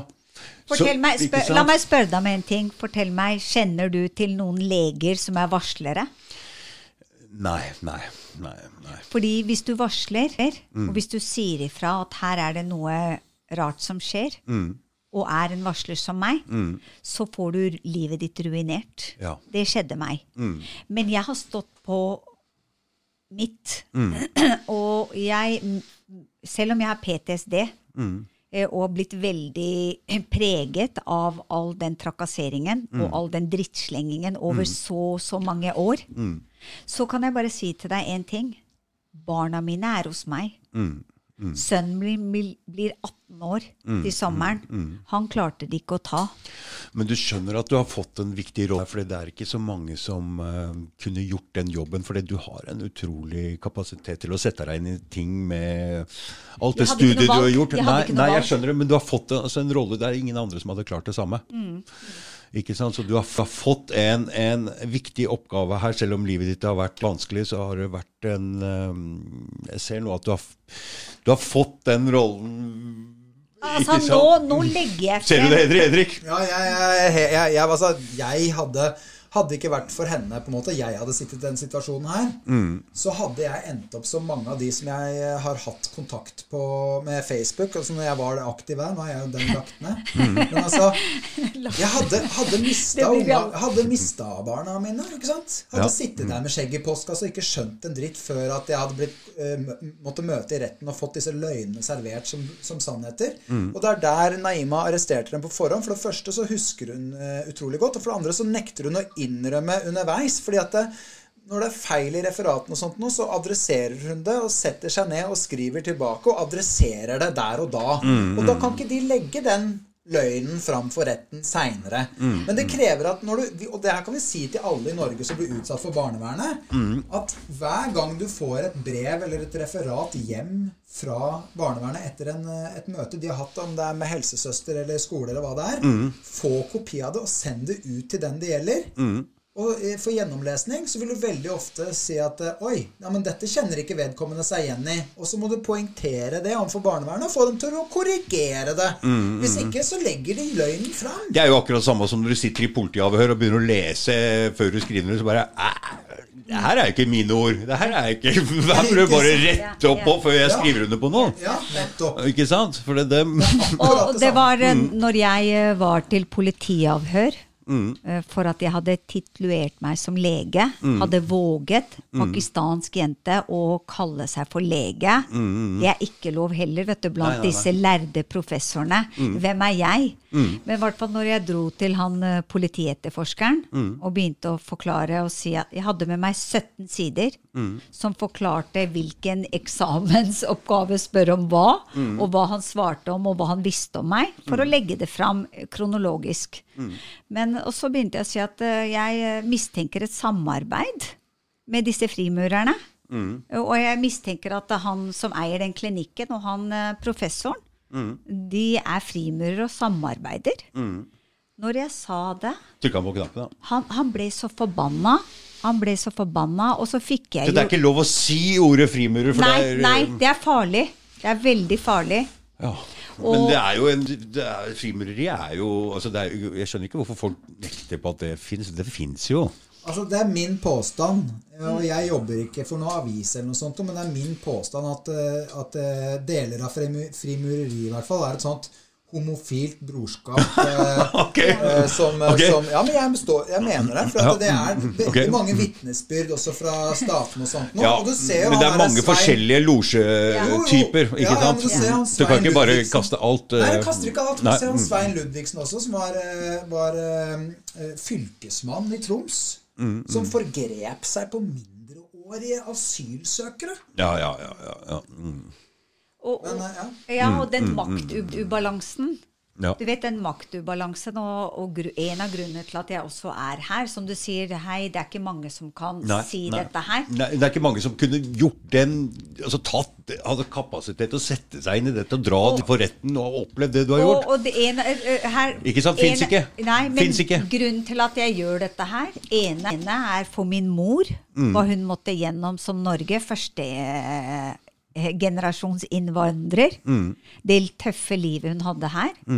Og resten er for alle de familiene, Mm. jeg skal love deg det er mange, som har fått ødelagt livet sitt Mm. av barnevernet Ja. pga. bekymringsmelding. Husk bare i fjor, Dag Thomas, så rykket politiet ut 3000 ganger pga. at barnevernet hadde ringt inn. Så det er fullstendig kaos, bryting opp av familie, Ja, ja. Eh, ryktespredning, splitting, angiveri, eh, jantelov, eh, baksnakking, sjalusi, you name it. Mm, ja, jeg skjønner det. Det har endt opp med å bli en sånn ganske sånn Altså, du, hele utlandet er jo klar over det norske barnevernet. er jo kjent. Jeg hadde jo Marius Reikerhus her nå, så jeg veit vet jo, vet jo litt. Jeg begynner å følge med litt på på gruppene der også. Men nå jobber sønnen min i barnehage, og de har ringt inn noen bekymringsmeldinger som ikke har blitt tatt tak i. Ja. Så, som han syns er feil. Altså, så de gjør, det er, det fins jo begge deler, men de sitter med utrolig mye makt, disse damene som jobber i barnevernet. Det er, og det, Og, og veldig uh, uberettiget makt. Mm, Fordi som jeg sa til deg, at for å kunne forstå en mor, Helt. Ja. så må du ha et barn. Ja, ja, det er jeg helt enig i. Ja, det- Og gjerne født det selv. Ja, mm. Hvis ikke du har født eh, et barn, og ikke ammet et barn, og oppdratt et fullmyndig barn, Mm. Så har du ikke så veldig mye du skulle ha sagt. Nei. Og det er det ikke Norge skjønner. Mm, Disse småjentene som løper rundt og skal eh, lage Bare- akuttvedtak. Og lære bare fra boka si, ikke sant? De, de burde heller kanskje i disse tider, det er ikke så store muligheter, men melde seg inn i Tinder eller Sukker. Kanskje finne Ja, en mann. Ja. Husk at uh, vi har et problem her, at vi har et uh, uh, fødselsproblem i Ja, Norge ja, jeg er fullstendig klar over det. Og, og disse, mange av de norske jentene Mm. som jeg kjenner, de har ikke mann engang. Nei. Glem og jeg har barn. prøvd hele livet mitt ja, å spre disse frøa mine. Jeg har klart å få spredd lagd to. Ja. Så jeg har akkurat klart å reprodusere meg selv. På en måte. Eh, men, men greia her Ja, men du skjønner eh, når Mm, Ja, jeg det, det at jeg har reprodusert meg selv faktisk fire ganger, Mm, eh, og, og stått i den der, det er ganske tøft. Mm, Men jeg har aldri fått en klapp på skulderen for det fra noen. Av Henrik, så. ja, han, han, han er den som er, står der ved siden av Mm, og hjelper til. Men greia her er at eh, du må huske på at uh, Norge de, de ti årene jeg bodde i USA, Mm. da var jeg ute av hulen. Jeg var ikke i hulen i Nei. ti år. Nei. Så jeg var fri, jeg. Og jeg er fortsatt fri. Mm. Så når jeg kom tilbake Jeg er ikke programmert av NRK og Fordi når jeg kom tilbake, Dag Thomas For vi er programmert her, mener du? Ja. Ekstremt. Ekstremt, ja. Mm. På berget her. Ja, jeg ser Oh my det selv. God. Jeg ser det selv, Og dere og... ser det ikke det, fordi at, at Jeg er, klarer å hallo, se det, altså. er, er det julaften her, så er det julaften her. er det påske i Norge, Mm. da skal jeg love deg. Det er ikke sånn i andre land. Nei. Forstår du? Mm, Det, det er så ekstremt inngripende, sånn som NRK. Mm, ja, det inngripende rollen. Men det, blir mange, det har blitt mange nå som ser annerledes på det. Spesielt etter den siste året her med koronaen og Trumf og Ja. den massive massive propagandaen. Ja, men da, er se- blitt, ja, men da ser folk at det er feil. Så det er ja, jo ja, mange, men du mange ser det. Men tenk deg TV Norge, NRK, TV 2. Mm. Og så bare ikke for å nevne alle i mainstream media. Dagblad, Mm, Ja, VG, nei, er samme Se og Hør Hør nå, Aftenposten, Finansa, Finansavisen, Dagens Næring. They are running the same narrative. Ja, ja, er og de snakker ikke om viktige Altså, ingen i Norge snakker om uh, Viktige ting. eh, eh, bondedemonstrasjon i India. Nei. Vet du hvor alvorlig den er? Nei, ikke peiling. Ikke nevnt med et ord. Og Du, de har ikke nevnt engang den demonstrasjonen som foregår i Spania nå. ja. Ikke sant? Kjempestore Fordi de fengsla en rapper som Ja. hadde skrevet noe om kongen. Ja. Og det er kjempe... Ingenting i ny- i med det her om det. Ingenting. Ingenting. Skal ikke si noe stygt om kongen, eller at Mette-Marit hadde, hadde haugevis av møter med Jeffrey Epstein etter han var dømt for, for pedofili. Ja, men det, Ja, ja Men, okay. men, men gutta, jeg bare prøver å si til, til dere. Jeg var borte i ti år. Jeg kjenner ikke noen andre enn meg sjæl som er varsler. Nei. Og den programmeringen her er så omfattende, og omstendelig. Dere aner ikke det. Og derfor så finnes det ikke flere varslere og flere aktivister. På grunn av at de allerede er lagt inn. Og mest sannsynlig mange av dem lever ikke. Du, vet du hva, det er en, noe jeg Sorry, tenker, altså. tenker på helt begynnelsen av her, hvor du luker altså bort eh, personer eh, fra ungdomsskolen. Hvis du tenker på Jeg tenker på meg sjøl. Jeg ser de som kunne vært motstandsfolk. da. Ja. Narkotika Ja. og den stilen. ikke sant? Ja. Jeg tror det er by design. skjønner Ja, At de luker bort den type mennesker som nå kunne vært Altså, for det, det er jo unger som er imot systemet, som er litt oppviglere, men de går i den narkotikafella og blir luka ut altså på den måten. Så jeg tror faen meg det er by Rigg- design for å få bort den ty mennesketypen. Altså. Rigget, rigget fra ja, begynnelsen. for de skulle, En ting med den der narkotikagreiene. Ja. Mm. Hadde de legalisert det der, så hadde bånd dette ut av hele greia. Rekrutteringa hadde blitt borte. Det hadde ikke vært interessant i det hele tatt. Og, og, så det, Tenk, du, tenk deg, tenk deg Ikke- er Men hallo, folkens. Ja, tenk- tenk litt på det, tenk, tenk dere hvor, hvor, hvor irriterende det er for meg som en firebarnsmor, pakistansk andregenerasjonskvinne. Mm. Med dobbeltgrad, eller jeg hadde det. Mm. Tenk deg så irriterende for meg. Jeg går og anmelder han mange milliardæren som er utvandret. Mm. Politiet sier nei, han her kan, det her kan vi ikke gjøre noe med. Nei, ikke og ikke kom tilbake her, for vi kommer neppe til å følge det igjen. Ja, nei, de har jeg, jeg anmelder eh, barnevernslederen. Nei, dessverre, vi kan ikke følge opp dette her. Nei. Det må du snakke med noen andre om. Jeg går og anmelder professoren. Mm. At jeg har sett han rundt husveggene mine. Jeg er redd. Mm. Han, jeg skal opp til eksamen. Jeg stoler ikke på at han er rettferdig. Mm. Uh, og at han har kanskje andre hensikter. Jeg er redd for at han har andre hensikter. Dessverre, vi må henlegge det her. Mens dette pågår, så ser jeg i Se og Hør og Dagblad samtidig eh, Politiet stoppet 17-åringer som krangler på trikken. Eh, de på Holmlia er noen skikkelig farlige narkobøller. Og dette her, mens alvorlige saker driver de og henlegger, mens de driver og lager en sånn derre historie ute i, i, i mediene at disse guttene fra Holmlia, Ja, ja. de er så farlige. Og disse russegutta, de driver med så mye dop. Det her er bare for å eh, eh, distract. Skjønner du? Ja.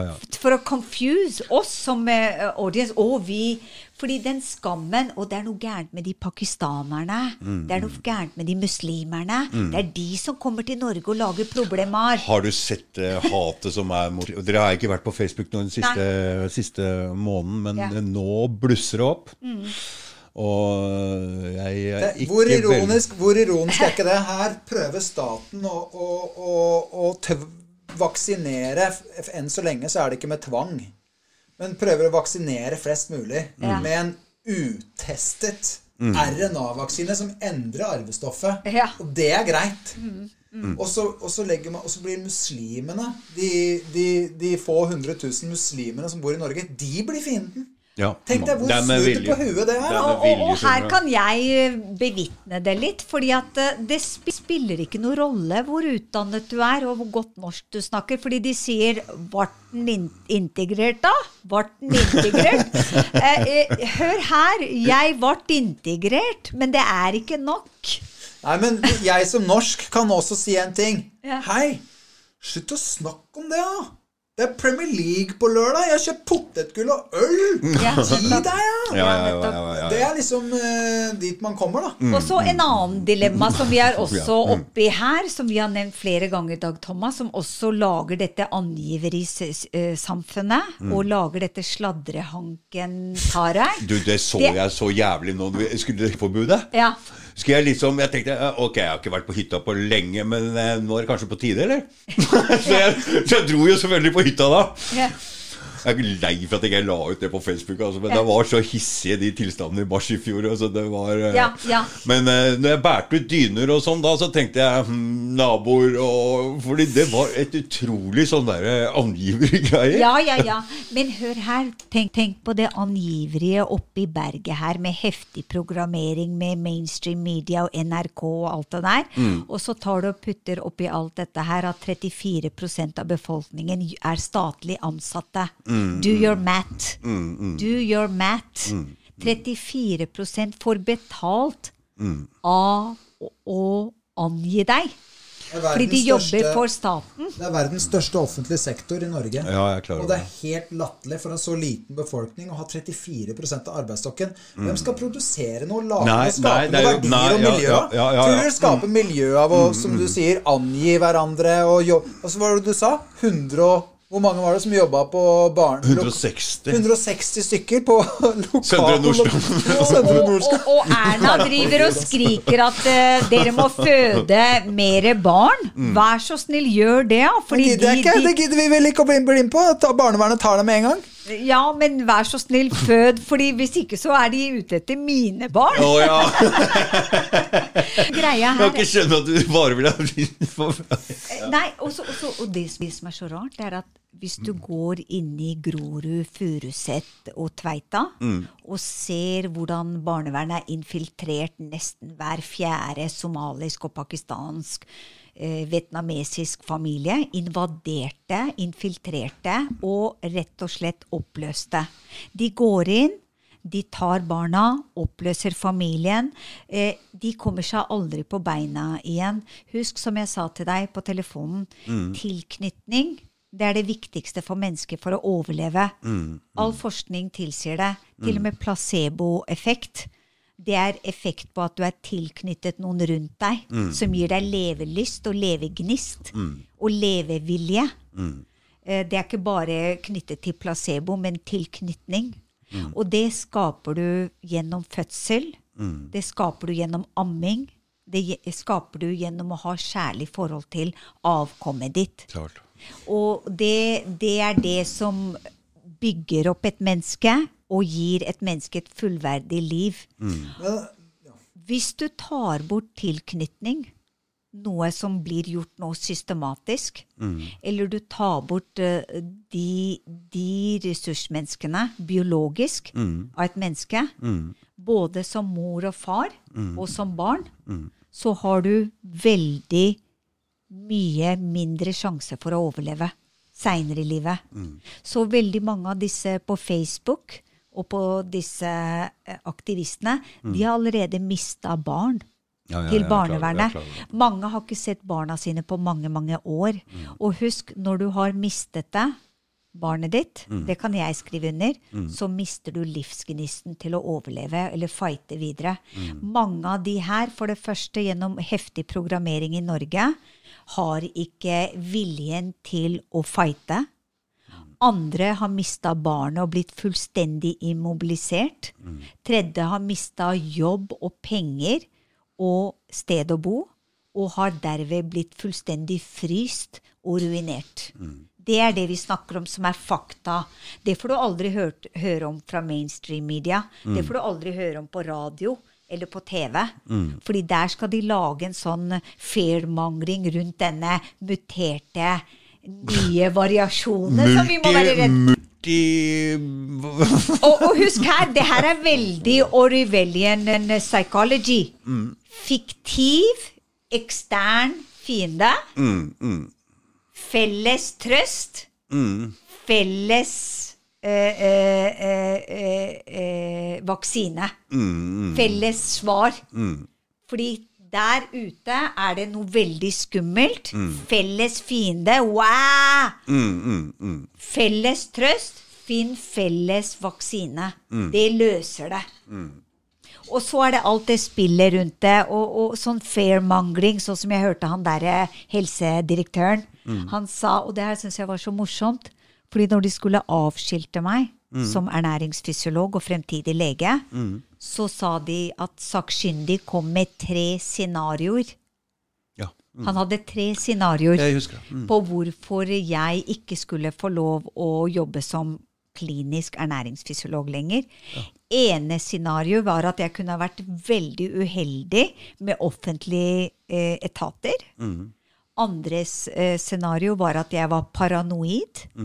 Og tredje scenario var at jeg var eh, eh, paranoid eh, eh, pers Schizofren. paranoid schizofren. Og jeg tror det gikk med den paranoid. Den falt de på etter to og en halv time. Og det jeg syns var så morsomt med det, at han kunne lage disse hypotesene etter to og en halv time om et menneskes liv. Det Og er, ikke sette seg inn i dette er bevisbyrden. Han sa at det er ikke hans jobb. Hans jobb er bare å diagnostisere og hypotisere i, fri, i fritiden. Men å, å, å, å gå inn i bevisbyrden, det er ikke hans eh, jobb. Nei. Men i hvert fall det jeg syns var interessant, hvordan disse lærde uttaler seg. For nå hørte jeg at Først var det jo mitt liv og mine degree. De er, de er jo blitt noe avskiltet, det er greit nok. Men nå var det tre scenarioer fra helsedirektøren Ja. på dere, altså på oss, Ja, mm. om hva som kunne skje Ja. med denne fiktive, eller ikke fiktive, men disse skumle variantene, da. Det kan være Jo, fiktive. ja, virusvariantene. Og her var det tre scenarioer. Ene hvor faktisk det kan gå ganske greit. Andre det kan gå ganske ille. Tredje ganske så ille. og så, så disse spekulasjonene på våre liv, eh, mens det står en lærd og driver og Nei, det er det er jo ganske sprøtt, og ingen reagerer. Og det er det jeg sier til deg. Der ser du den omfattende programmeringen Norge har vært gjennom de siste hundre ikke- 100 Det er ikke rart jeg ble her på besøk. Da var mamma og pappa hjemme her, og da var det nyheter. Altså, det var nyheter hele dagen. Men eh, Nei, nå er nyheter. Ja, men jeg sa nå er jo jeg på besøk, det er jo nyheter hele Nei, jeg måtte se på nyhetene, altså. Så det der er vel de, de, de, nyhetene. ja. Det må, måtte alle ser på før, tror jeg. Ja, ja, ja. Det var viktig. Og, apropos Det er programmer! ja, men da, da vil jeg si deg én ting òg. Apropos, jeg skal, skal ikke si, men når jeg har vært på besøk hos forskjellige familier, da, norske, Mm. så er det alltid sånn Oi, oi, skynd dere, skynd dere! Nå er det året med kongefamilien! Året med kongefamilien, ja. Mm. Og det er hvert år. Nei, nå er det året med kongefamilien. Mm. Så den heftige programmeringen der Og det er derfor ingen reiser seg opp og tar til orde. Mm. Fordi ingen tør. Alle er, eh, jobber for staten. Mm. Og det er spesielt lojalitetskappen. Mm. Ja. Ja. Nei, Nei, jeg sier ikke det, men jeg sier at uh... Ja. Nei. Ja. Nettopp. mm, mm. nettopp. Greit. Ja, men dette var en bra, bra samtale. Det er eh, Du ser, du ser hvor, eh, hvor eh, alvorlig situasjon vi er under. Ja. Mm. Og, og, og det som er viktig, det er jo egentlig å våkne opp. Flere må våkne ja, opp. flere må våkne opp. Flere må se Men- men- dette spillet her, at mye er Men rigget. Da skal vi si egentlig at den covid-greia har hjulpet mange til å våkne. Ja. Så jeg er egentlig takknemlig for at det skjer, fordi før var det veldig få som Så jo mer strenge tiltak de trøkker til med her, jo mer alvorlig situasjonen blir, med Ja. tvang av vaksine og alt sånt, så vil flere og flere våkne opp og se at det er noe gærent. Og jeg håper de går virkelig videre og ser alle de andre tinga rundt, fordi det er en sammenheng her. Det er i hvert fall ikke noe tvil om at rettssikkerheten til den gjengse nordmann var blitt kraftig svekket i løpet av 2020 Ja, det er ikke tvil om. Mm, Det er og de har ikke tenkt å stoppe her. Og husk at det er også så programming og mind control. At Og jeg folk bare går, går og Mm. godtar det. Bare godtar det uten å spørre et, spørre, stille noen spørsmålstegn. Mm, og vi ikke til å gå tilbake til eh, sånn det var i 2019. Aldri. Aldri, ikke sant? Og, og, og greia her er eh, det, det som skjer at uh, rui, ruinene i bak, bakteppet hvor folk Verdensregjeringa nå. Ja, men folk tar selvmord. Mm, Ja, ja, ja. Hvis mister jobber. Det er så mye. Altså, vi prater om at du ikke har empati med gamle folk fordi du liksom ikke Men hvis vi ser alt det andre som foregår, det er bare ja, altså, Det er så mye ja, Nå er eh, Jeg, jeg tror ikke vi er ja, en ting jeg vil bare eh, har lyst til å påpeke i den forbindelse. fordi jeg husker jeg lagde, når jeg var på Facebook, så lagde jeg en liten film om, eh, om eh, et lovforslag fra Helse- og omsorgsdepartementet som gjaldt at det skulle bli obligatoriske klinikk, etiske klinikkomiteer i kommunene. Og det, en sånn komité består av en vaskedame eller noe sånt. mm. sykepleiere, en jurist og en psykiater eller lege. Ok. Og i alle kommuner så skal dette her, eh, etter ønske fra Bent Høie, da, bli obligatorisk. Og det er en veldig viktig forskjell som vi ser komme i mediene nå, og det er at eh, før så kunne det være en gæren fyr med kniv på trikken. Eh, som stakk en eh, annen. Og så ringer man alle nødetatene. Den personen blir lokka inne, og vel og bra er det. Vi kan ikke ha sånne gående på gata. Det er alle enige om. Men forskjellen nå er at ut ifra poster på Facebook eller eh, meningsytringer, eller det som før var ytringsfrihet, som nå er hate speech, så kan en klinisk etikkomité i en kommune fatte et beslutning om å tvangsinnlegge den personen på artikkel 6 hvis de mener samlet at det er en fare for at den personen kan begå, lovbrudd. Så allerede der så er vi inne på et overvåkningssamfunn som kan plukke individer som opponerer mot systemet. Og det er mange som ikke er klar over det, men der er vi altså allerede nå eh, i dag. Jeg tror det var paragraf 62 i smittevernloven, jeg skal huske feil. Der hvor det, hvor det her, her eh, også gir en sånn ekstra lovgivning. Men det her kom de altså med før covid kom. Om, Før covid kom. om, om obligatoriske kliniske komiteer i kommunen. Det er bare det, det, Og det er for å kontrollere eh, eh, massene. Meninger. Og, og hvis det er sånn som eh, Du vet hva som skjedde med oss på Face? Ja, ja. De tok jo unpublished us fra en dag til annen. Vi mista jo alt. Eh, og også på Instagram. Eh, jeg hadde 7000 der. Og så over et par år, år så begynte de å altså Det er altså mind control. Ta bort trikle bort to-tre hver dag. Og, og egentlig for at jeg skal tenke Hæ, jeg mister followers! Jeg, mister, jeg, jeg skjønte jo det. Men, men greia er at sånn holdt de på i tre år, og, og derfor, gjennom min inngående opplevelse med forskjellige social media, så kan jeg bare si til deg her Både Facebook, Instagram, YouTube, Google, Twitter, you name it. Dette her er overvåkningsverktøy. Ja, ja, ja. Det er ikke noe sosial media for at du skal snakke med noen. Alt er eh, korrigert og redigert. Så som, til slutt så skjønte jeg at uh, han fikk jo ingen av mine poster. Vi var jo venner. Ja, ja. Så vi var skilt fra Ja, hverandre, og jeg ble skilt fra venninnene. Så det, det, det du tror der ute med at 'oi, jeg har så mange' Nei, nei, nei. Alt er løgn. En dag på Google så var det Jeg tror de glemte å putte på en eh, komma, men plutselig så var det 170 000 som så på Google-accounten min. Dagen etterpå var det 1,7. Så det er sånn fikling med komma og, Ja, det er helt punktum. latterlig. Det er folk Det er altså sånn Og som disse, disse amerikanske popstjerner og rappstjerner som har 42 millioner og 150 er millioner følgere på Det er bare, fake. fake. Det du ser av followers, det er løgn. Det du tror er det som skjer med deg på Face, alt er korrigert. Altså, forrige statsminister i Danmark, hun har fått posisjon og får betalt av Facebook for å sensurere. Forrige statsministeren til Danmark. Da kan du tenke hvor høyt nivå denne Sitter, og de kaller, sensureringen det, de kaller det en ytringsfrihetskomité på Facebook. Der sitter hun mot- Torning Schmidt, blant annet. Så alt det der med followers og hvor mange det kommer rundt, alt det der er redigert. Ingen får være frie.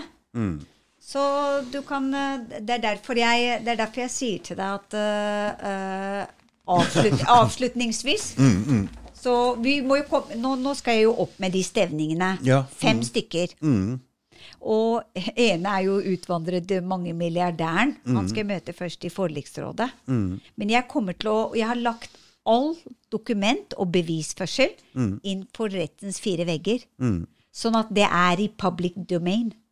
Så når jeg får mer svar fra de, så kommer jeg til å gi deg en update. Men for alle der ute som har mista et barn, eller har barnevernet involvert, eller prøver å bli psykiatrisert, veldig viktig å prosedere din egen sak i Oslo tingrett, levere inn all bevis for å beskytte deg selv. Hvis ikke så kan du ende opp eh, låst inne i psykiatrien, og ingen hører stemmen din noen gang. Og barna, ba, barna dine tatt fra deg. Det eneste som gjør at jeg kjemper så hardt og legger alt ut, det er på grunn av at ingen andre skal gå gjennom det helvete jeg har gått gjennom i 18 år først. Nå. Og så før det i fire år. Så det er veldig viktig at man våkner opp og ser den regien som skjer i bakteppet der. Som ikke er det du ser nødvendigvis gjennom Dagblad, VG, NRK, mm. eller det barnevernet sier. Men bakteppet der, der finner du sannheten. Og det kan du ikke finne ut hvis ikke sånne som meg, som har følt det på kroppen, vært på etatene, vært på intervjuene, legger fram historien sin. Ellers så får ingen vite om hva som egentlig foregår. Det er veldig, veldig Så, viktig. så jeg kommer til å fortsette med det bare fordi at jeg er en varsler. Og jeg kommer til å bruke informasjonsdeling som hovedverktøy. Eh, mm. Tusen takk for at du kom. eh, Nei, hva? Takk for at jeg fikk komme til deg i dag, Thomas. Vi, vi holder samtalen Klart, gående. klart det. Mm. Og når ting roer seg ned litt, så håper jeg du kommer og tar en yoga. Ja, det skal jeg gjøre! Det, det skal jeg gjøre. Ja, det må du. Herlig. Okay. Yeah. Tusen takk, Ja. Henrik. Takk, takk. Ja. Takk, Ha det. Hei. Oh. Det var lenge. Ja, nå må du trykke her. Jeg har ikke trykka på noe. Og, det var så rart. Og så ser jeg ingenting. Å, fy søren, det var heftig. Det var Det var heftig. Stopp opptaket. Oh my god.